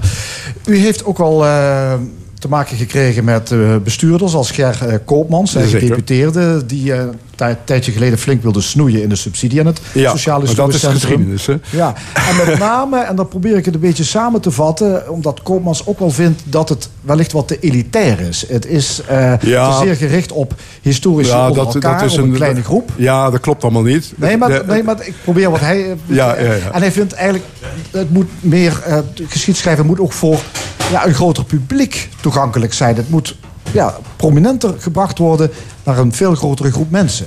Wat vind je Eh, daarvan? ja, daar ben ik het ook helemaal mee eens. Daar ben ik het altijd mee eens geweest. En we doen er ook heel, hebben ook heel veel aan gedaan. We hebben bijvoorbeeld als Sociaal Historisch Centrum... een hele mooie campagne gehad rondom de voetvrouwenschool.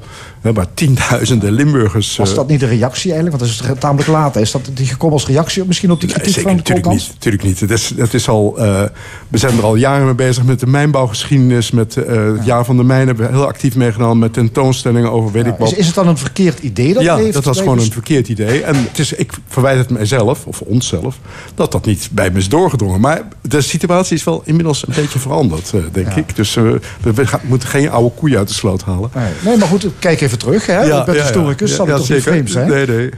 Er komt trouwens het, eigenlijk het Sociaal Historisch Centrum in Limburg... eh, dat hier, trouwens hier tegenover het café ligt... houdt eigenlijk op te bestaan nu u weggaat. Hè? Als, het wordt een beetje een, een, ja, een, een, zeggen, een lege stichting. Geen Eh, mensen nou, meer in dienst, maar er het- komt eh, iets voor terug. Ja, er komt iets voor terug. Ik wil eerst even iets anders zeggen. En dat is, er werd net opgemerkt, we zijn begonnen als centrum voor om het katholieke erfgoed te Zeker, bewaren. ja. Dat is natuurlijk nog steeds zo. Dus de katholieke erfgoed is onlosmakelijk verbonden met de geschiedenis van Limburg. En er is een periode geweest waarin het, het rijke Roomse leven enorm veel activiteiten ondernam. En wij hebben, zijn opgericht om dat te documenteren. En wij hebben, ik heb als directeur en ook mijn medewerkers hebben toch ontzettend ons best gedaan om dat op een goede manier te bewaren in de archieven en de documentatie. Dat is niet waardevol omdat ik zelf zo hecht aan dat katholicisme. Mensen die mij kennen zullen dat weten. Maar wel aan het feit dat het een onlosmakelijk deel uitmaakt van de Limburgse geschiedenis. En dat, of je nou zelf daarbij bij betrokken bent of niet, dat is gewoon belangrijk. En dat, willen we, dat gaan we ook volhouden. Maar het als, niet meer als apart instituut. Maar de, het wordt, de archieven en de collecties, dus het, het eigenlijke erfgoed, wordt geïntegreerd in het regionaal historisch centrum, zeg maar het Rijksarchief. Dat wordt dan in een samenhangend verband als historisch centrum Limburg gepresenteerd. En de universiteit gaat in dat centrum een onderzoekswerkplaats voor academisch onderzoek eh, vestigen. Waarin een grote groep, een flinke groep onderzoekers die wetenschappelijke geschiedschrijving ook gaan voortzetten. Vier, vier academici. Die kunnen daar worden aangesteld. En eh, ook dat wil ik nog even zeggen. Publiek is natuurlijk enorm belangrijk. Hè, maar je moet het ook wetenschappelijk onderbouwen. En dat, dat besef, dat, eh, nou ja, dat moet Koopmans ook hebben. Heeft hij ook, want hij wil het ook mogelijk maken. En het is van ontzettend belang dat de, geschiedenis van Limburg niet alleen als gevoel, maar ook als niet alleen als beleving, maar ook als kennis, als inzicht wordt eh, bevorderd. Ja, dat al die mensen die als amateur bezig zijn in de provincie... ook een wetenschappelijke ondersteuning krijgen, precies, ja, ja. Ja. U ehm, gaat weg na 20 jaar als directeur van het Sociaal Historisch Centrum. En opvallend, eh, als je weggaat, daar wordt ook gekeken wie was die man. En eh, er wordt dan toch wel opgemerkt van het is een protestant, het is een Hollander die als Ja, ja, daar heb je het weer. wat- ja, daar heb je het weer. Ja. Wat, wat vindt u daarvan eigenlijk? Nou, ik, eh, bij mijn benoeming was dat, speelde dat geen enkele rol. Maar het is onderdeel van nou ja, de permanente constructie van dat Limburger zijn, zeg ik maar. Dat altijd weer nadruk moet worden gelegd op dat hij toch anders is. Hè? Vindt u het vervelend? Eh, soms wel. Eh, en, eh, ik, maar ik, ik besef dat het onvermijdelijk is. Maar ik heb natuurlijk, natuurlijk niet hier gewerkt als Hollander of als protestant... maar als liefhebber van geschiedschrijving. En geïnspireerd door deze rijke geschiedenis in Limburg... heb ik mijn best Ja. gedaan om dat verder te ontwikkelen. Dat Maar heeft- wat dat bevestigt mij- misschien die identiteit van de Limburger? nou ja, met het gevoel dat... uw geval weer gaat voor, zeggen... voor, de, de voor veel. Limburgers is het vanzelfsprekend... dat eh, de Hollander toch eigenlijk nou ja, met een beetje anders wordt gezien. En eh, dat is, is logisch, dat is, dat is inherent. Ja. Oké, dank u wel. Ad Knotter, het gaat u goed. Dank u wel. Straks in de stemming de Randstad versus de regio. Wordt de provincie achtergesteld ten opzichte van de Randstad? Daarover Leo Frisse en Roel Wever. Verder de column van Rezi Koumans, een discussiepanel en muziek van Human People. Blijf luisteren. Tot zometeen na nieuwsreclame van 12 uur. Lekker aan het trappen? Jij weet natuurlijk dat je fietst. Maar weten je vriendinnen dat ook? Misschien wil je beste vriendin net haar zoveelste Tinder-match in de groepsapp delen.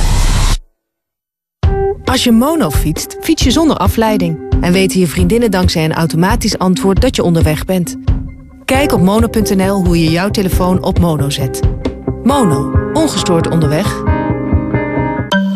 Goede zorg is belangrijk voor jezelf en voor de mensen om je heen. Met onze zorgverzekeringen ben je verzekerd van goede zorg voor een scherpe prijs.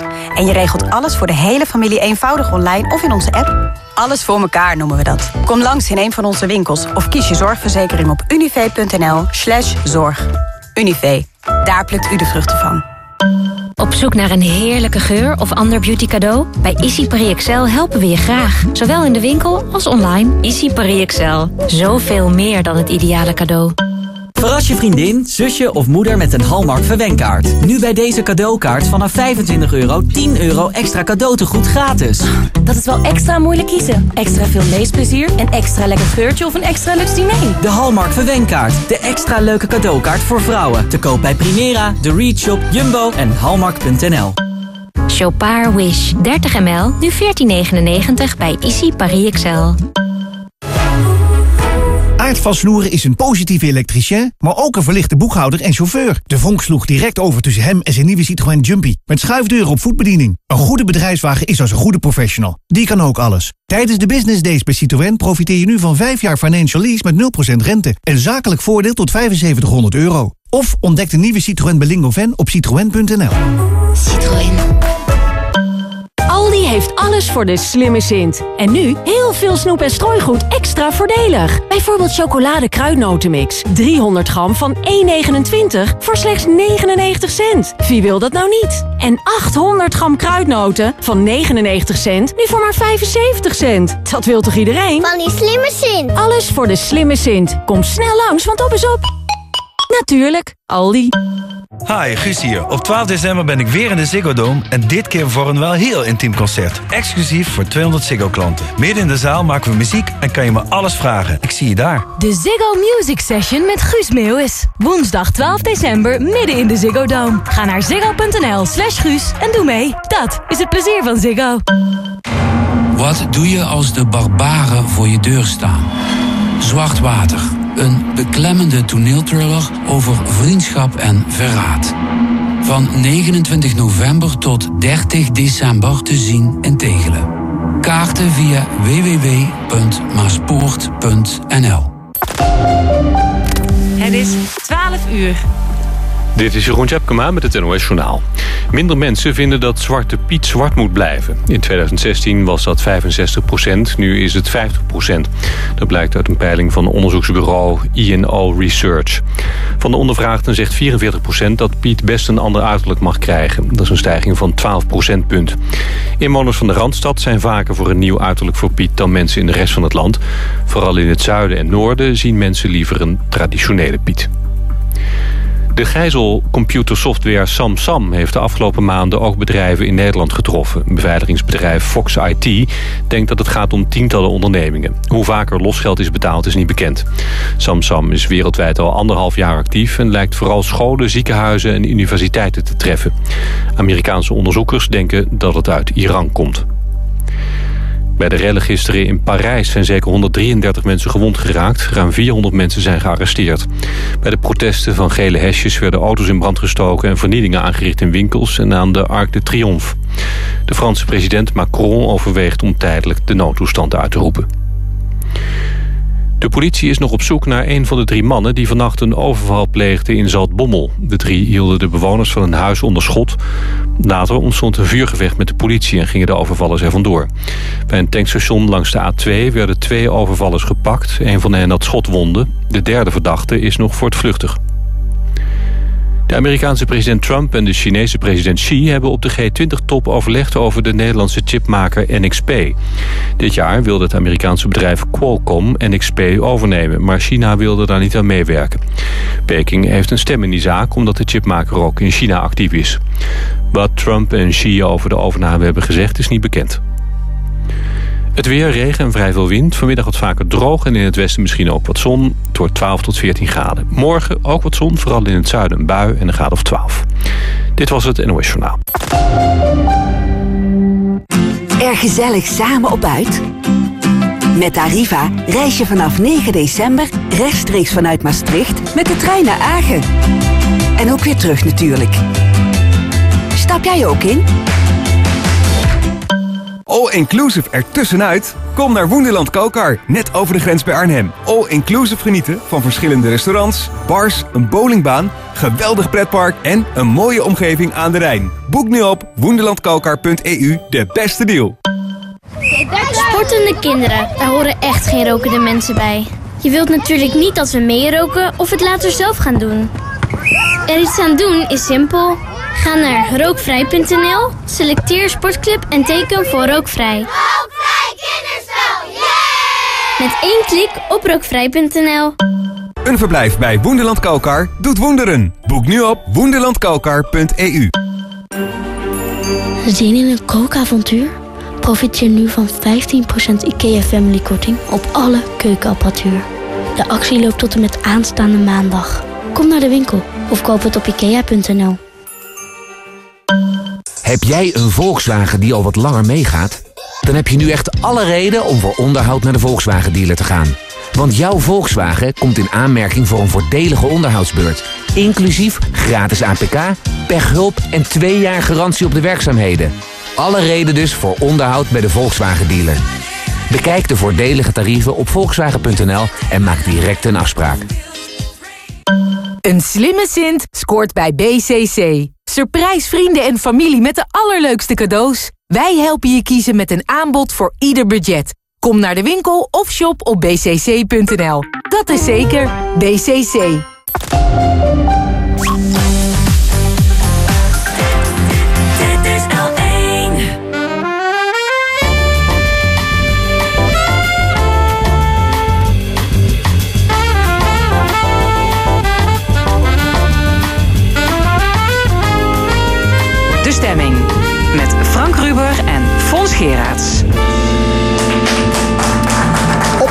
Welkom bij De Stemming, het interview- en discussieprogramma van L1 Radio vanuit Café Forum in Maastricht. En wat allemaal nog in het tweede en laatste uur. Even na half één discussieert het opiniepanel met Monique Quint, Jan de Wit en Karel Leunissen over het LVO en andere actuele zaken. Een column van Rezi Koumans, muziek van Human People, maar eerst regio versus Randstad. Dat is de titel van een deze week verschenen boek met opstellen over de fricties tussen de Randstad en de andere regio's. Want dat er wrijving is, dat staat buiten kijf. Veel regio's voelen zich onvoldoende gehoord in Den Haag. Ze spreken van een Randstadkabinet dat alleen oog heeft voor de belangen van, de cosmo, van het cosmopolitische Amsterdam en Rotterdam. Terwijl de regio's kampen met aardbevingen en mijnschade. Over de regio versus Randstad gaan we praten met Leo Frisse, burgemeester van Schinnen en voormalig commissaris van de Koningin. En Roel Wever, bestuurskundige en Eerste Kamerlid voor de VVD. Heren, welkom. Eh, meneer Frisse, zijn eh, spanningen tussen Randstad en provincie niet van alle tijden? Ja. Ja. Ik zie er niet zoveel eh, grote verschillen met eh, voorheen. En dat is in andere landen niet anders. Dat Noord-Frankrijk is ontevreden over Parijs. Oost-Duitsland klaagt Ja. over Berlijn. Catalonië staat op voet van oorlog met Ja. Madrid. Kortom, dat is altijd en overal zo. Da- Ja, er is altijd wel een spanning geweest tussen zeg maar, regio en residentie. Dat zie je in Frankrijk terugkomen, Parijs. eh, Ik ben veel door eh, allerlei functies in eh, die regio's geweest. In Catalonië, Baskeland, Kosovo, noem maar op. En ook in Oost-Duitsland eh, en Zuid-Duitsland natuurlijk ook. Je ziet het overal terugkomen.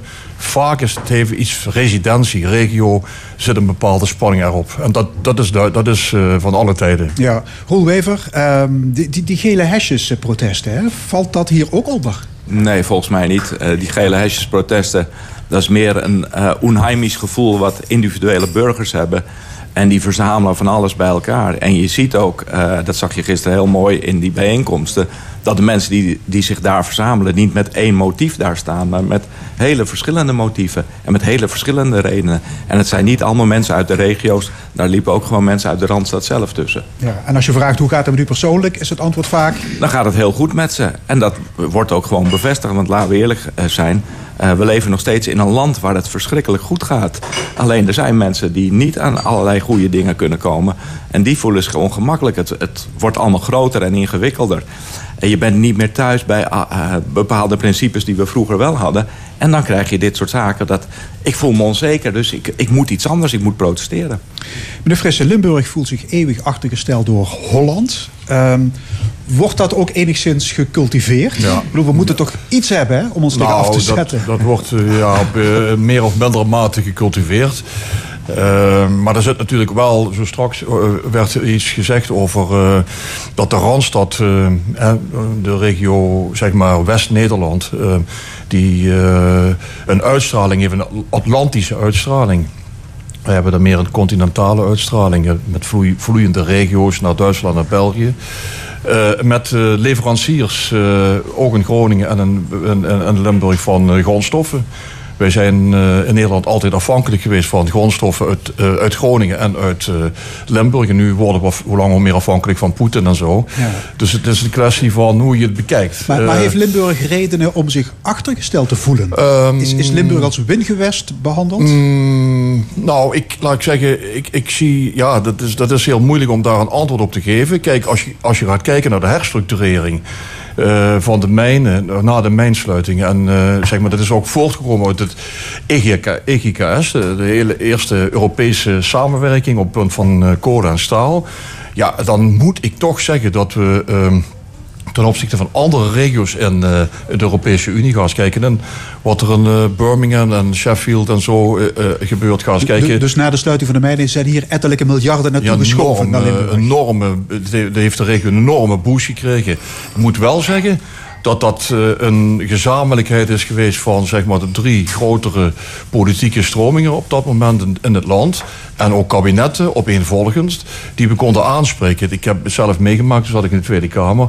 Als er een, een, klein, bij een klein akkefietje kon je de hele, hele, de hele regering naar de Kamer eh, vragen om te komen. Dan moesten ze komen vanwege die PNL. Dus het is wel anders dan, dan nu. Maar als je gaat kijken naar hoe die invloed toen was van, eh, van Limburg naar, naar het opeenvolgende kabinetten in die tijd.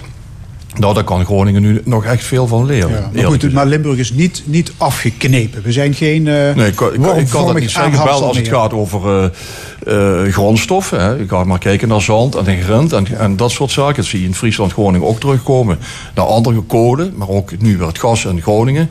Veel te laat, veel, veel te laat gezien dat dat mogelijkerwijs wel een keer een probleem zou goed. kunnen Maar, maar toch, vorig jaar schreef Annemarie Pen, burgemeester van Maastricht, een opiniestuk in de Volkskrant. Ik citeer: Het kabinet moet de randstedelijke preoccupatie nu echt loslaten. Niet langer het land indelen in twee denkbeeldige gebieden: de economische motor Randstad en de provincies als aanhangwagen. Roelwever, is Nou. dat een juiste analyse? Nee, daar ben ik het niet mee eens. Ik bedoel, daarmee plaats je jezelf in de, in de positie van aanhangwagen. Daar doe je jezelf veel te kort mee. Volgens mij moet je ophouden met jezelf aanhangwagen te noemen. Wij zijn gewoon een belangrijk onderdeel van ook de economische motor Nederland. Wij doen hier ook geweldige dingen. Als je gewoon kijkt wat er op Gemmelot staat, is gewoon geweldig. Als je kijkt naar de ontwikkelingen bij de Universiteit Maastricht, super. Als je kijkt naar de culturele ontwikkelingen in Zuid-Limburg, super. Maar laten we ons dan wel een keer verbinden als een eenheid en daar ook op de trom gaan slaan. Want ik durf te wedden, als we als Zuid-Limburg keihard op de trom van cultuur hadden geslaan, dat we meer hier naar de regio hadden weten te krijgen dan we er nu krijgen. Leo Frissen? Nou, ik, ik, ik moet zien dat eh, dat nog gaat gebeuren. Ik bedoel, ik ben een grote voorstander van zeg maar, die Zuidstadgedachte. Frans Timmermans heeft er gisteren ook weer over gehad. Dat, niet, eh, dat, ligt niet, eh, dat probleem ligt niet bij de, bij de provincie of eh, nationale beleidsmakers. Het ligt vooral, zeg maar, hoe kan je eh, zeg maar, het daarin leiden dat eh, de gemeenten zien dat ze over de eigen schutting moeten heen Ja, kijken. hoe kun je Dat- van Zuid-Limburg één groot ja, ja, dus- verstedelijkt gebied ja, maken? En dan is het maar, nog niet groot, dan is het een klein stedelijk gebied waar je. eh, Wiel Ares noemt dat groen metropool. Eh, dat, dat, dat zegt al iets. Hè. Het zou veel meer ook iets moeten worden van, van rood naar groen. In plaats eh, we hebben dat gaat van, eh, van, van zwart naar groen, maar van rood naar groen. Minder, minder verstedelijkte gebieden nog verstedelijker te maken. Want demografie laat zien dat, je, dat dat niet de kansen zijn. En je moet kijken naar de ontwikkeling van de as. Eh, Eindhoven zit dat geleden. Ja, dus in die zin, het, begrip aanhangwagen komt niet in uw Ja, vocabulaire ja, er zijn natuurlijk wel dingen. Straks ging het er heel even over van. eh, dat heel veel mensen. dat de Randstad en ook de regio rondom de Randstad. dat is, laat ik zeggen, van origine een protestantse regio. En als uh, Sibrand Haarsma Buma zegt. voor mij is de nationale identiteit de akte van verlatingen. Ja, dan denken we mezelf. eh, en wij dan, hier, het zuiden. Dat is, een, laat ik zeggen, wel een heel belangrijk punt. Wij voelen ons veel meer wereldburgers.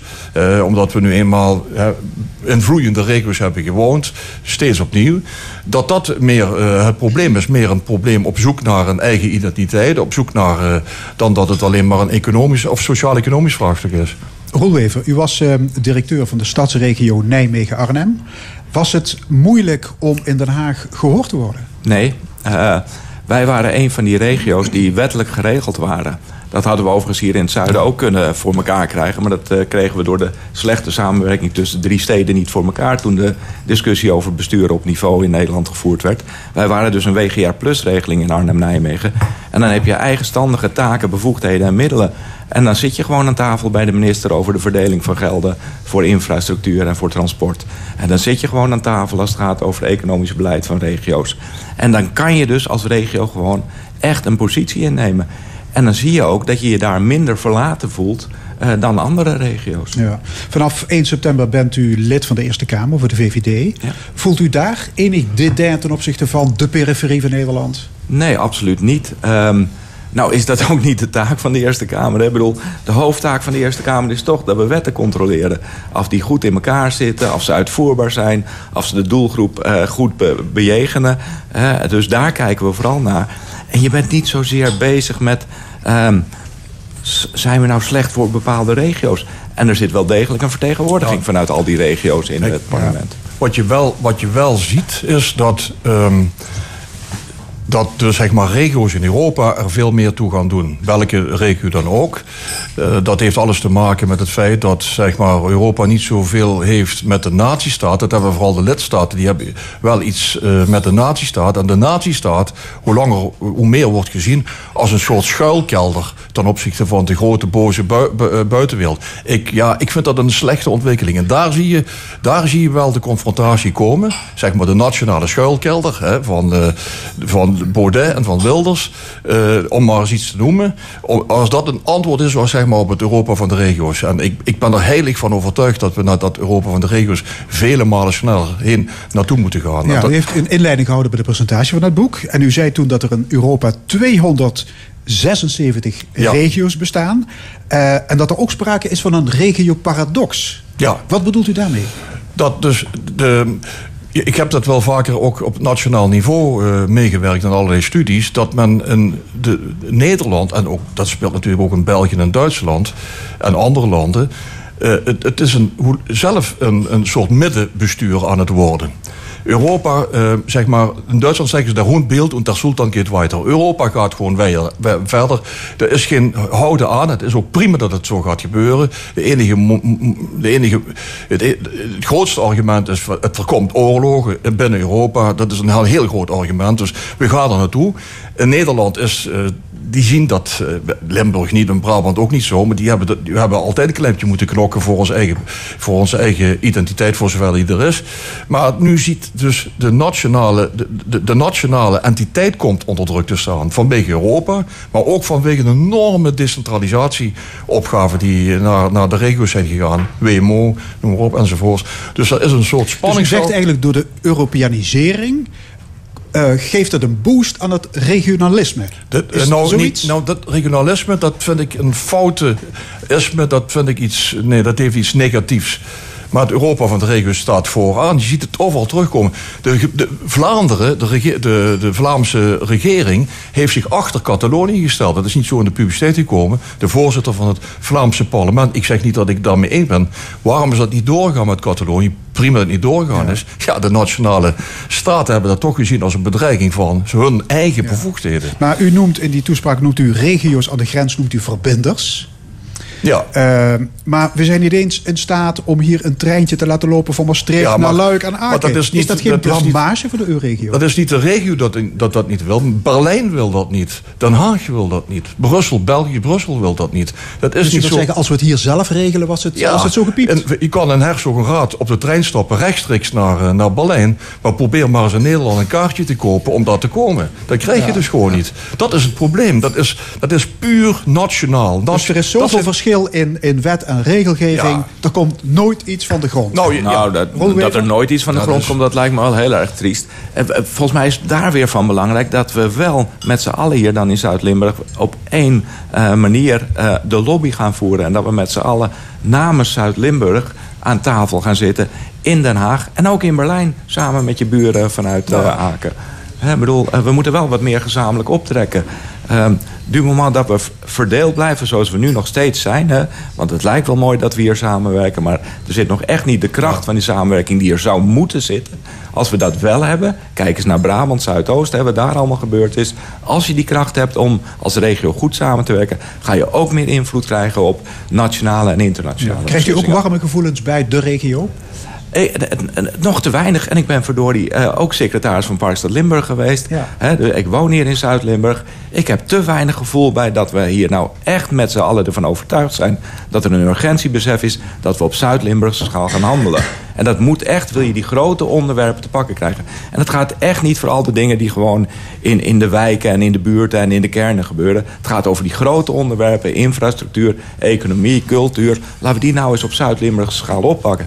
En dan kan je ook op een goede manier met die EU-regio samenwerken. Ja, die, met die regiogebieden over de grens. Ja, cultuur. In dat boek wordt gesproken van een ressentiment, ressentiment moet ik zeggen, tegen de Randstad. Eh, dat inmiddels ook is doorgedrongen tot de culturele sfeer. Hè, Kijk naar de Zwarte Piet discussie. Hè, de progressieve Ja, Randstad heeft het over eh, slavernij ja, dat- en, en, en racisme. En de provincie Nou- zegt, kom niet aan onze traditie. Ja, maar dat, ik, vertaal, ik vertaal dat veel meer vanuit dat zeg maar, de regio's, ik, ik overdrijf nu, nooit een koloniale eh, houding hebben gehad. Dat zit veel meer zeg maar, in, in, de omgeving van de, van de Randstad, van die koloniale houding. En dat zit, dat, die spanning zit daar toch wel op. Oh, wat moeten we daarmee? En dan krijg je de discussie. Terwijl zeg maar, hier al voor de letteren altijd een soort migrerende, migrerende ja, vloeibare regio is geweest. Van- ook vanwege de kolen, vanwege de, de, de, de mijns... De mijn, eh, Dus dat is de reden waarom de discussie over integratie Niet en alleen, islam dit- en, en identiteit wel. hier nauwelijks wordt gevoerd, maar in de Randstad. Dat verklaart wel veel, ja. En eh, er zijn natuurlijk al, al heel, heel veel andere resentimenten. Ik bedoel, aan de nationale stamtafels, als je daar zit eh, en je spreekt een klein beetje met de zachte G, dan komt bijna ondertiteling. Ik bedoel, dat soort dingen, dat speelt wel een rol. En dat voelen mensen hier als een soort affront. Dus er, zit, er zitten wel spanningen, eh, maar die zitten overal. Die, zitten, eh, die zijn misschien iets meer nu aan de orde vanwege het feit dat Nederland, de nationale stamtafel, zich voor de eerste keer in een, in een, in een bestaan, zeg maar, bedreigd voelen vanuit Europa, vanuit de wereld, voor hoe het gaat met ons gebeuren. Dat, ik denk dat dat veel verklaart. En laten we die Randstad alsjeblieft ook niet groter maken dan die is. Nee. Die Randstad is zwaar verdeeld. We hebben niet voor niks een metropoolregio Amsterdam... en een metropoolregio Den Haag-Rotterdam. Geef al eens aan hoe de verdeling is tussen die twee grote blokken. En die zijn het niet eens met elkaar. Ja. Die- die- u, u noemde de Randstad in, in die toespraak ook maar een regio, hè, geloof ik. Nou, ik heb, ik heb meegewerkt aan een studie over eh, zeg maar de grote eh, ports. En, en, en, en, en de Brainport eh, en Airport en, en eh, eh, Seaport Rotterdam. En eh, dat was een vrij, eh, ja, laat ik zeggen pessimistische kijk op datgene wat in Schiphol en in eh, Rotterdam plaatsvindt en vond. Dat is oude economie. Terwijl dat de nieuwe economie, juist rondom Eindhoven en naar het zuiden toe aan het enorme, enorme boost krijgt. Dat werd niet een dank afgenomen door heel veel eh, mensen, topambtenaren op, op de ministeries. Dat moest een klein beetje de laden en dan zo. Daar zie je die spanning terugkomen. Dus het is niet, je moet, wij, hebben het vele malen, we kunnen het vele malen beter dan dat we zelf eh, denken. Alleen, wij zitten niet iedere dag aan die stamtafel. We komen niet iedere dag, zoals nu, eh, naar buiten toe met onze eigen eh, eh, kennis en kunde. Daar komt het eigenlijk op neer.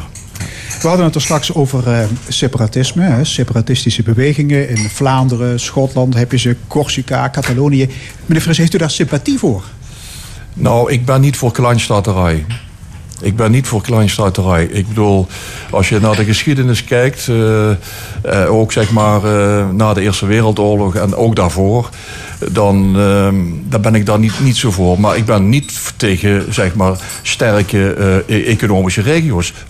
Lons, is, heeft een enorme ontwikkeling doorgemaakt. Bilbao heeft een enorme ontwikkeling doorgemaakt.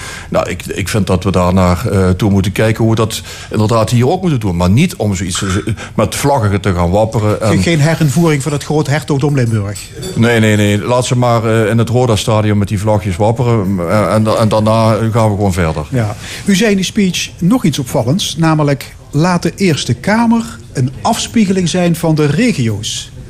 Ja, Hoe ziet u dat? Daar ben ik wel heel erg sterk voor. Dat is bijna een heel. eh, bij een 27, nu nog 28, 27 eh, eh, staten is dat bijna het geval. Je ziet in Duitsland, de Bundesraad is een vertegenwoordiging uit de regio's. Je ziet het overal terugkomen.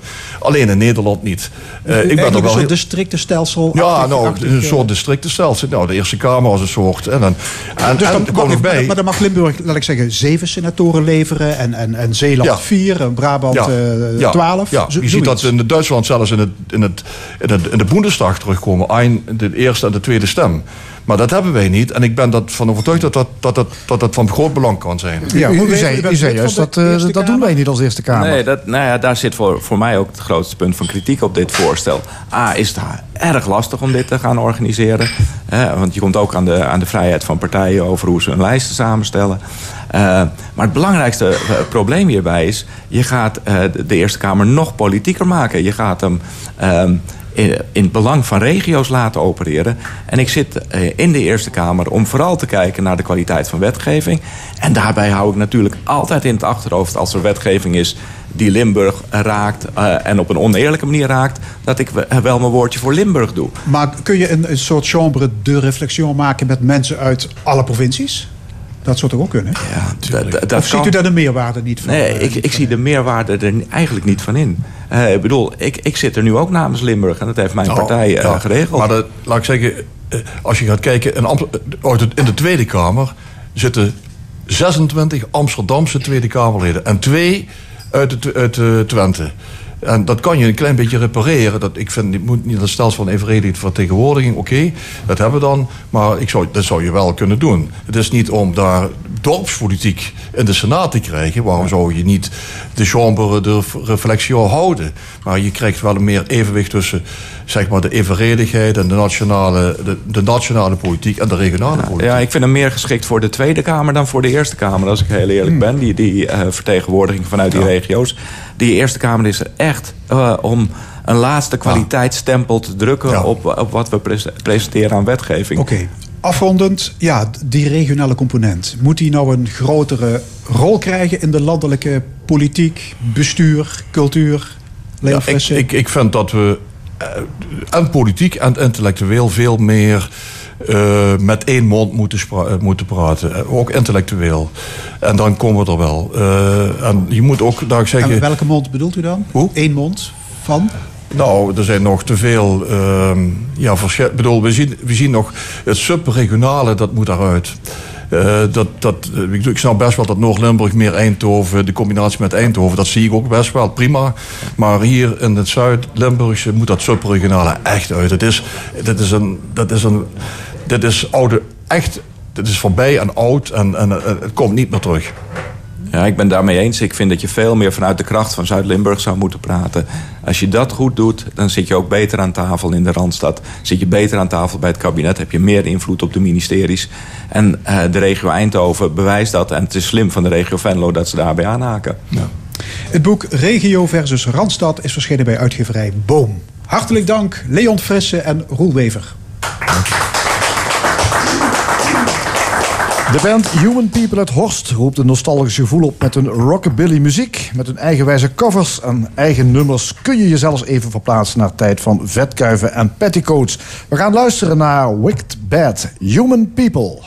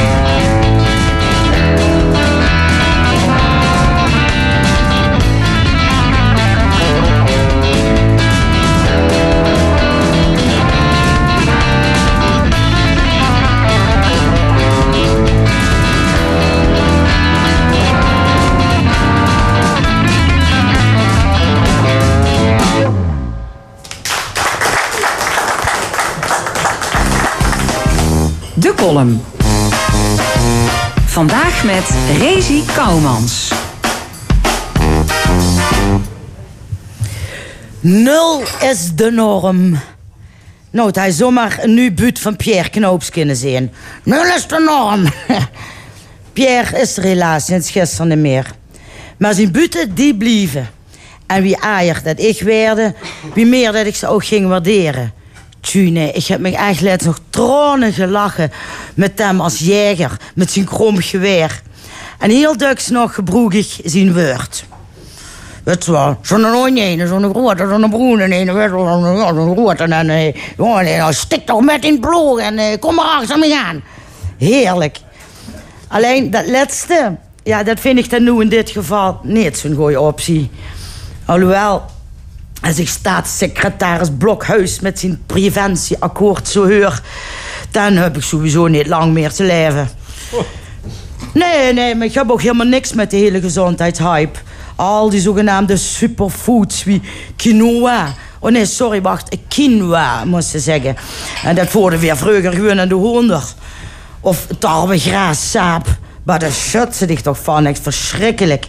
Nee, en gewoon een half uur per dag met den hoen doet zo'n grote zo'n broene ene. Nee, dat is niet meer genoeg. Nu, op zijn minst moest ze tegenwoordig gewoon bootcampen. Ja, s'avonds dan, hè. Want smorgens heb ze al metgesprongen met Nederland beweegt. En tussen de middag moest ze in die pauze nog even naar de 24-hour gym dichte longen uit het gaan fietsen. Nee, maar goed, als er lui zijn die door haar levensgeluk uh, uithalen, overal doen. Maar nogmaals, voor mij is dat helemaal niks. Ik bedoel, de korte tijd dat we hier op aard zijn, wil ik graag leven. En voor mij helpt leven in, och, op het een pot beer, met een lekker sigaretje erbij. En zeker keer in de week friet. Want leven is echt niks anders meer als wachten op de onvermijdelijke dood. Dus dat moet er toch. En dat doe ik dan het liefst zo leuk mogelijk. Maar jui. Dat mag nu niet meer. Nee, ik moet beschermd worden tegen mezelf. Want ik heb geen ruggengraat. Nee, want ik weet absoluut niet wat goed voor me is. En daarvoor zijn er dus nu mensen in de Randstad, of hoe dan ook... Ja die dat allemaal wel heel goed weten. En die dan voor ons allemaal gaan beslissen wie weer het moeten gaan doen. Met andere woord, ik sta dus gewoon onder curatelen. Wat verdomme nog. Ben toch gewoon geen klein wicht meer wat papa Blokhuis tegen zei. Reesje, als ze die groentjes niet opet, moest ze zonder pudding naar bed.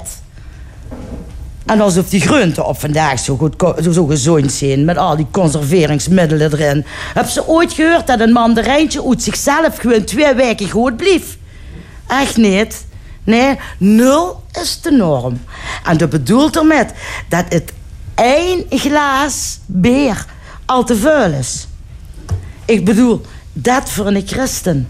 Terwijl de eerste christen die bekend wordt... toch al water in wien vrangerden, of niet? Wat? De wien op? Oeh, wacht even. Dat heb ik zo geregeld. Tada!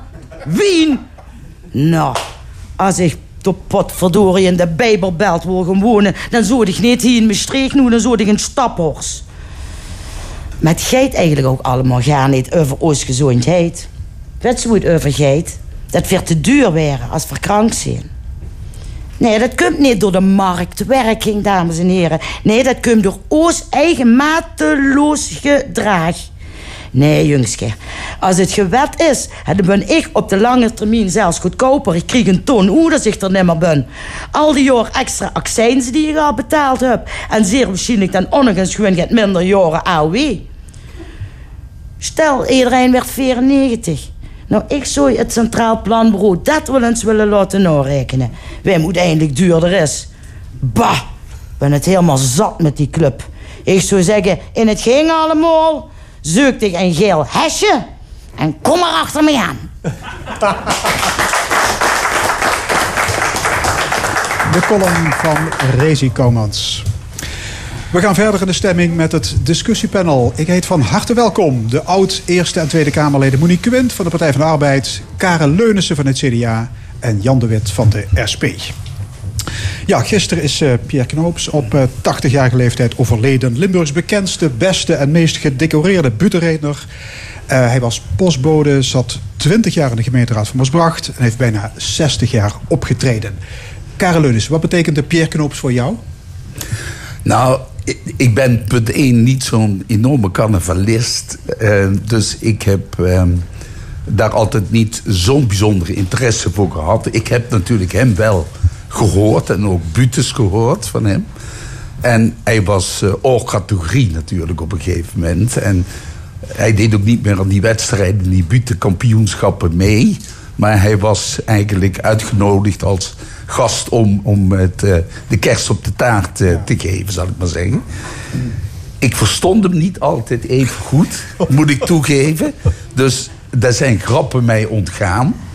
Eh, wat heel jammer is natuurlijk. Maar eh, wat ik verstond, daar kon ik wel eh, om lachen. En dat was ook van een bepaalde niveau. Hè? Dat, het hoeft niet allemaal, als je nu naar die cabaretiers kijkt... die zijn soms grof, ongenuanceerd vaak. En dat vond je bij hem niet. dat je kunt was... Pierre Knoops zeggen dat hij nooit kwetste. Nee, nooit, kwetste. Gewoon op eigen kunnen, op, op, op visie van hoe je grappig, hoe je humoristisch kunt zijn. Zo kwam die over. En dat, vond ik, dat kon ik goed waarderen. Monique Wendt, Jan de Wet. Konden jullie Knoops überhaupt verstaan? Ik, ik wou net, eh, ik zat toen je me vertelde, want ik had het niet meegekregen dat hij overleden was. Toen dacht ik, oh, die man is verbonden met mijn eh, introductie. Want ik kwam in 72 in Zuid-Limburg wonen.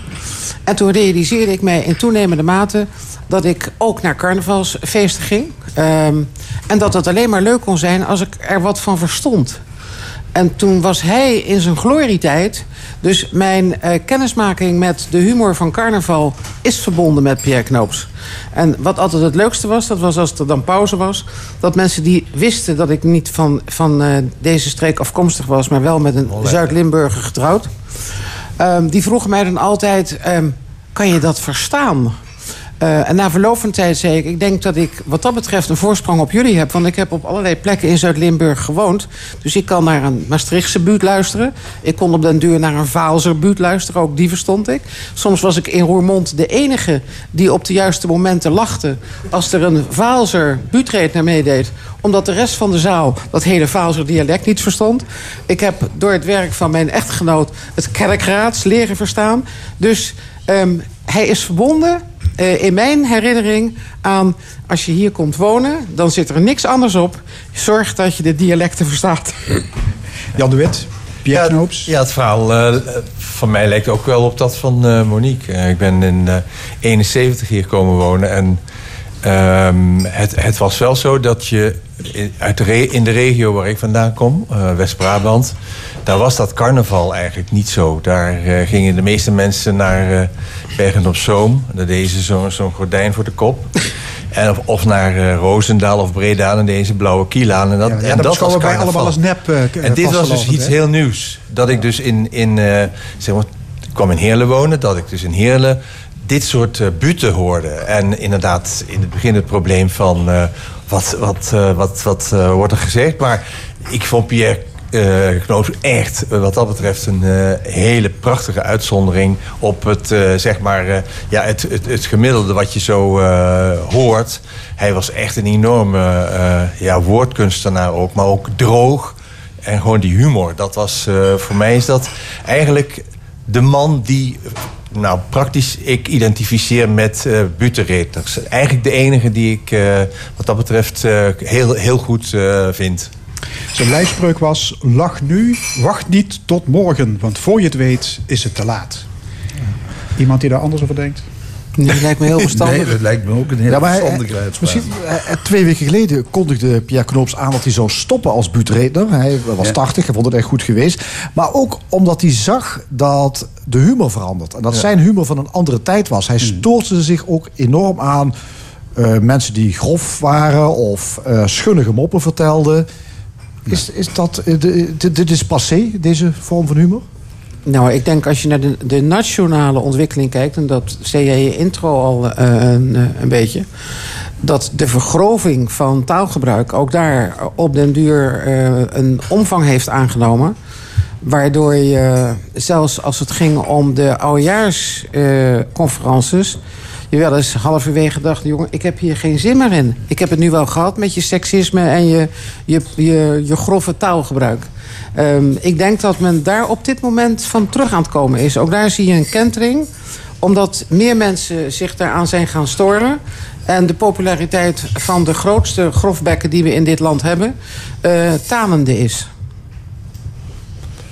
Ik denk dat dat nog een aantal jaren gaat duren. Want eh, als ik naar een cabaretier luister op tv... na vijf minuten gaat het af, dan heb ik het wel eh, gehoord. Maar Marese Kommers hoorde je net vertellen dat ze Dat- nog altijd kan genieten van De Jeger. Dat is een buurt uit 1963. Die is 55 jaar oud. Ja. ja. Dus Ja, zo er zijn, verouderde er zijn uitzonderingen natuurlijk, maar de nationale kopstukken die eh oudejaarsavondshows geven enzovoorts, dat zijn, dat zijn toch vaak grofgebekte mensen. Ja, Dat, het, eh, het past, past wat dat betreft natuurlijk bij de tijd. Ja. Alles Ja. moet gezegd kunnen Ja. worden. Ja. En iemand die zegt dat moet je niet zeggen, ja, dat, eh, dat, eh, dat kan niet. Dus de, de, de vrijheid van meningsuiting hangt daar eigenlijk ook nog steeds, eh, of steeds meer boven. En dat komt toch, vind ik zelf ook, eh, misschien ben ik wat dat betreft ook wat ouder, maar eh, het komt de kwaliteit niet altijd ten goede. En ook niet het, de, de spitsvondigheid, de humor, het sprankelende. Dat is toch vaak met die keiharde banaliteit is toch ver te zoeken. We gaan naar een ander onderwerp. Ja. De onderwijsinspectie die oordeelde deze week snoeihard over het VMBO Maastricht. En ook VMBO-school in Gulpen. Beide scholen kregen het predicaat zeer zwakke school. Dat is de slechtste score die je kan krijgen. Eh, slechts 10 van de 600 middelbare scholen in Nederland zitten op dat niveau. Maar dat is nog niet alles. Ook een aantal andere scholen van eh, LVO die scoren onvoldoende. Zijn, is er nog iemand die ervan geschrokken is? Of was dit eigenlijk al iets wat jullie vermoeden gezien de voorgeschiedenis van de afgelopen maanden? Nou, ik, Nou, ik had het niet, eh, niet, eh, niet het vermoeden. eh, omdat die, die scholen hadden het er over het algemeen een, of hebben een goede naam. Eh, maar ik denk dat het wel verstandig is geweest dat als je zo'n grote organisatie hebt met zoveel scholen. En op één blijken ongelooflijke eh, dingen te gebeuren en gebeurd te zijn eh, rond eh, de examens, rond het les, eh, lesverzuim, zeg maar. Ehm, ja, dan is het heel verstandig van de inspectie dat ze zo'n onderzoek doen. En het blijkt inderdaad uit de kwalificaties die ze nu dan al boven water hebben gekregen uit dat onderzoek. eh, ja, dat er toch bij, bij meerdere scholen wat, eh, wat aan de hand is. En ik denk dat dat een, eh, een, een waarschuwing moet zijn eh, voor zo'n organisatie. Om daar echt heel goed naar te kijken. Want het, het heeft hele grote effecten natuurlijk wat hier gebeurd is. Nou, mij verbaasde het absoluut niet. Hè, want datgene wat boven water is gekomen met die 354 leerlingen... dat geeft toch aan dat eh, de LVO het management-vervolgsysteem eh, niet in control had. Hè. En dat doet er ook vermoeden, hè, als ze dat niet on- in control hebben... dat de rest waarschijnlijk ook niet zo geweldig erbij staat op dit moment. En dat zal, we moeten nog die rapporten zien. hè. Ze komen- ze- officieel moeten ze nog komen, 16 Officieel moeten ze december, nog openbaar gemaakt worden. Maar eh, ik, dat doet het eigenlijk ze vermoeden. En dat komt natuurlijk omdat ze opgeschaald hebben. Al die schooldomeinen, daar hebben ze een soort hutspot van gemaakt. En het probleem is natuurlijk dat men eh, dat meer gedaan heeft om bezuinigingen, bezuinigingen te realiseren. En daarbij de kwaliteit van het onderwijs toch ernstig tekort gedaan heeft. Te groot te ook het feit dat leraren van, van, van VBO naar HAVO, naar die school, naar die school, die, die werden gewoon. eh, S ochtends kregen ze te horen, ja, pak je auto maar, rij maar naar Sitta toe. En er is iemand uitgevallen. Ja, er ontstaat geen eenheid meer, geen kleinschaligheid meer... waarin je als resultaat verantwoordelijk team voor zo'n VBO of HAVO of VMBO... als groep staat. Hè? Ja, maar, ma- ma- je- maar je mag ik daar eens op aansluiten? Want, wa- want wat jij nu zegt, dat is een proces wat eh, samenhangt met de afgelopen jaren. Hè? Dat is dus, dus niet van gisteren of zo. En dat, dat had te maken met terugloop van het aantal leerlingen. Eh, dus dat is een demografisch verschijnsel. Dat heeft onder andere ook met de vergrijzing in de stad Maastricht te maken. Ehm, of dat in Gulpen ook zo is, ik denk van wel, maar goed. Ehm, wat ik zo verbazend vind aan dit hele proces... is hoe de onderwijsinspectie in al die jaren die eraan vooraf gegaan Ja, zijn... dat vind ik ook. Ehm, hoe die dan op die scholen hebben rondgelopen. Want uiteindelijk is eh, op een moment die domeinendiscussie in Maastricht ontstaan. En dat had alles te maken met... we moeten eh, het anders organiseren... want we kunnen onze financiering anders niet rondbreien. Eh, Nooit is ergens, en dat heb ik echt op alle mogelijke manieren... heb ik dat de afgelopen tijd nog eens een keer nagevraagd... nooit is ergens een dodelijk inspectierapport neergelegd... waardoor mensen gewaarschuwd waren dat er een heleboel dingen fout gingen. En als je dan bedenkt dat dat dan uiteindelijk in mei, juni van dit jaar gebeurt... op een moment dat juist de onderwijswereld weet... dat examens eh, het centrale thema zijn op elke middelbare school... want die examens moeten gedaan worden. En er komt dan uit de dodelijke conclusie die uiteindelijk naar buiten kwam... met alle gevolgen voor de kinderen en voor de ouders en de gezinnen... waar die kinderen uitkomen. Dan vraag je je af, hoe zou toch in vredesnaam mogelijk dat een inspectie die de taak heeft om regelmatig op een school aanwezig te zijn, eh, allerlei stukken op te vragen, administratie, eh, financiële eh, huishouding, ook een leerlingenvolgsysteem moeten controleren. Hoe is het in vredesnaam mogelijk dat dit als een donderslag bij heldere hemel in een stad neerdaalt, met alle gevolgen van dien? En wat ik nog veel erger vind, dat is dat we nu in december van 2018 zitten te wachten op het definitieve rapport. Nou, ga er maar vanuit, want zo gaat dat. Als de inspectie een rapport maakt... ik heb zelf in het onderwijs gezeten, dus ik weet hoe dat werkt... Ehm, er komt dus een rapport. Maar voordat dat rapport publiek wordt... krijgt de school over wie dat rapport gaat...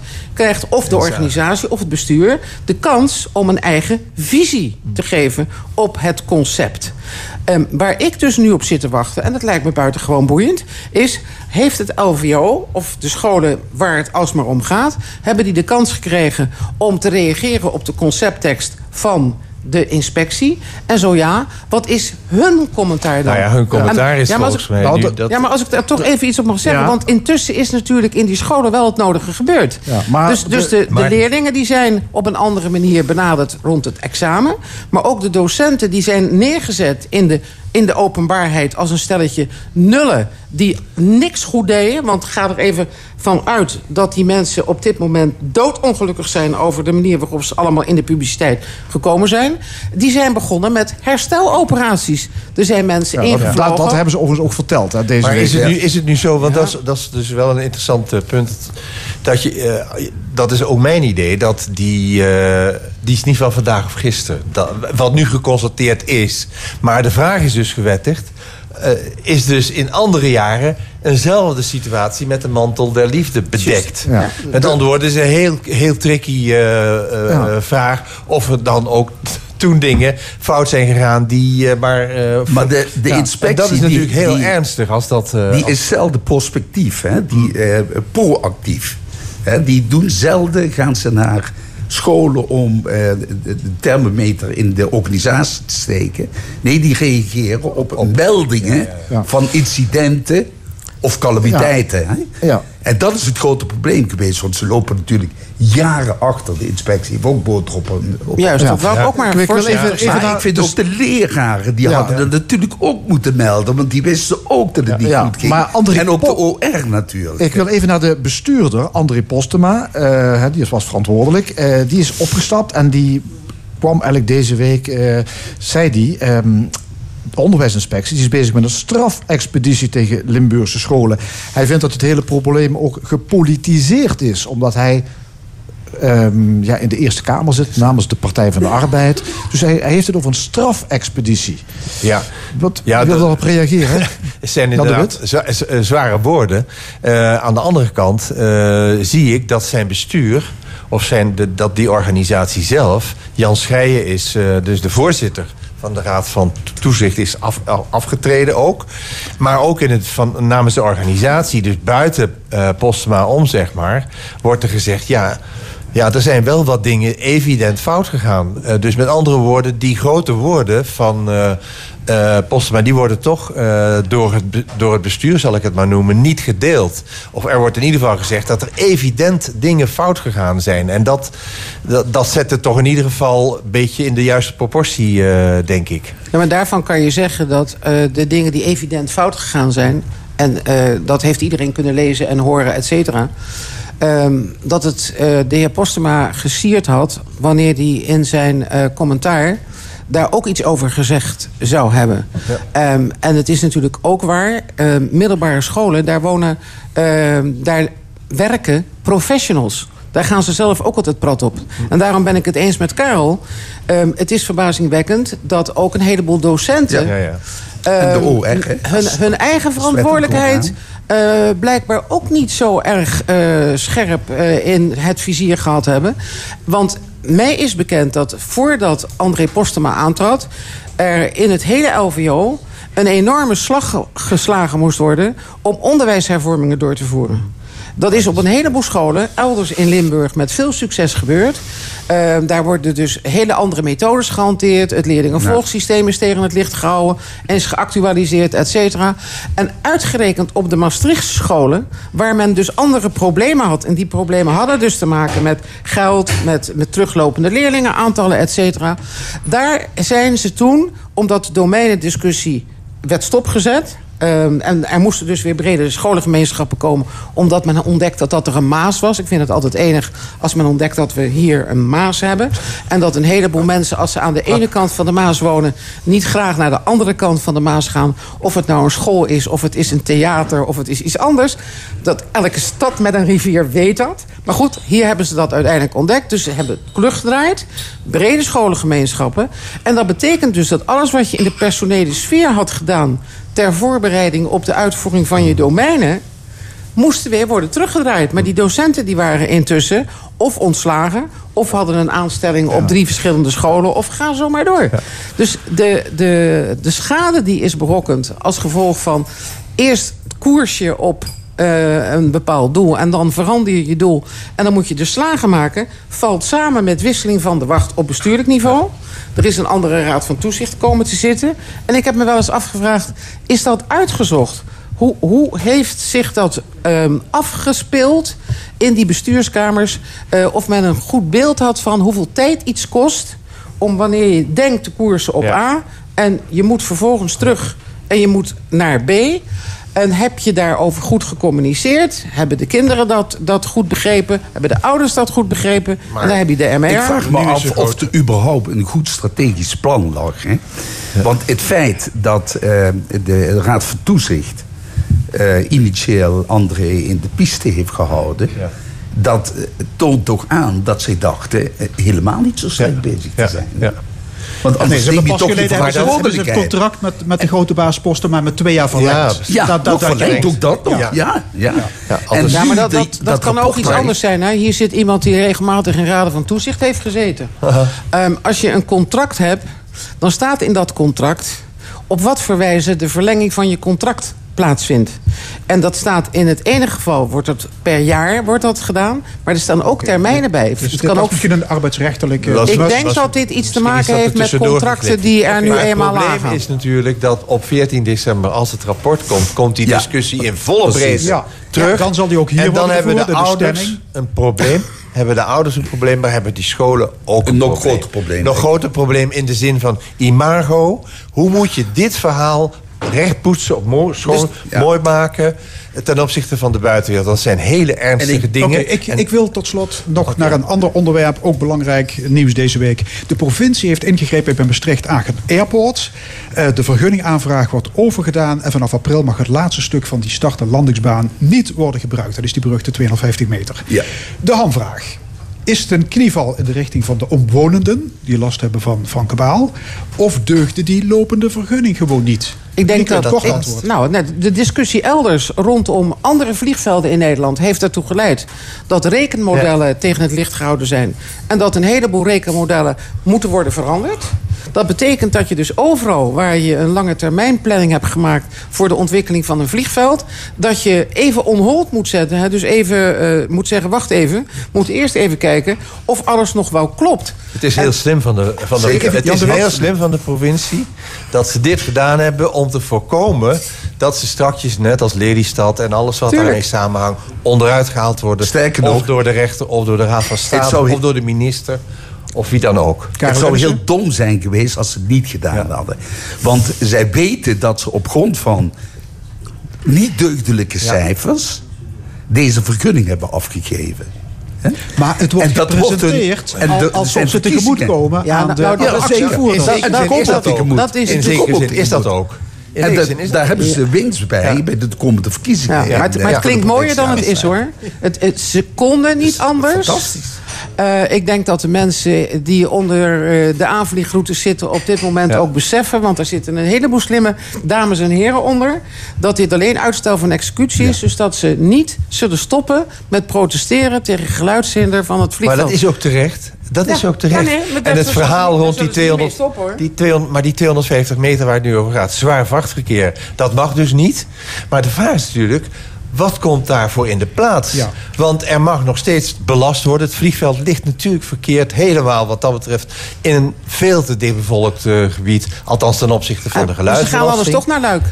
En met andere woorden, als het vrachtverkeer minder wordt... dan heb je natuurlijk ook nog de mogelijkheid van compensatie... via Ja, passagiersvervoer of andere vliegtuigen. De provincie geeft aan dat in een later stadium Ja. die extra 250 meter wel mag worden Ja, gebruikt. natuurlijk. Weliswaar beperkt, zij zullen, wie snapt zij dan? zullen, dat kan niet anders. Die provincie, dat is een heel duur infrastructureel iets, zo'n vliegveld. En in de die exploitant.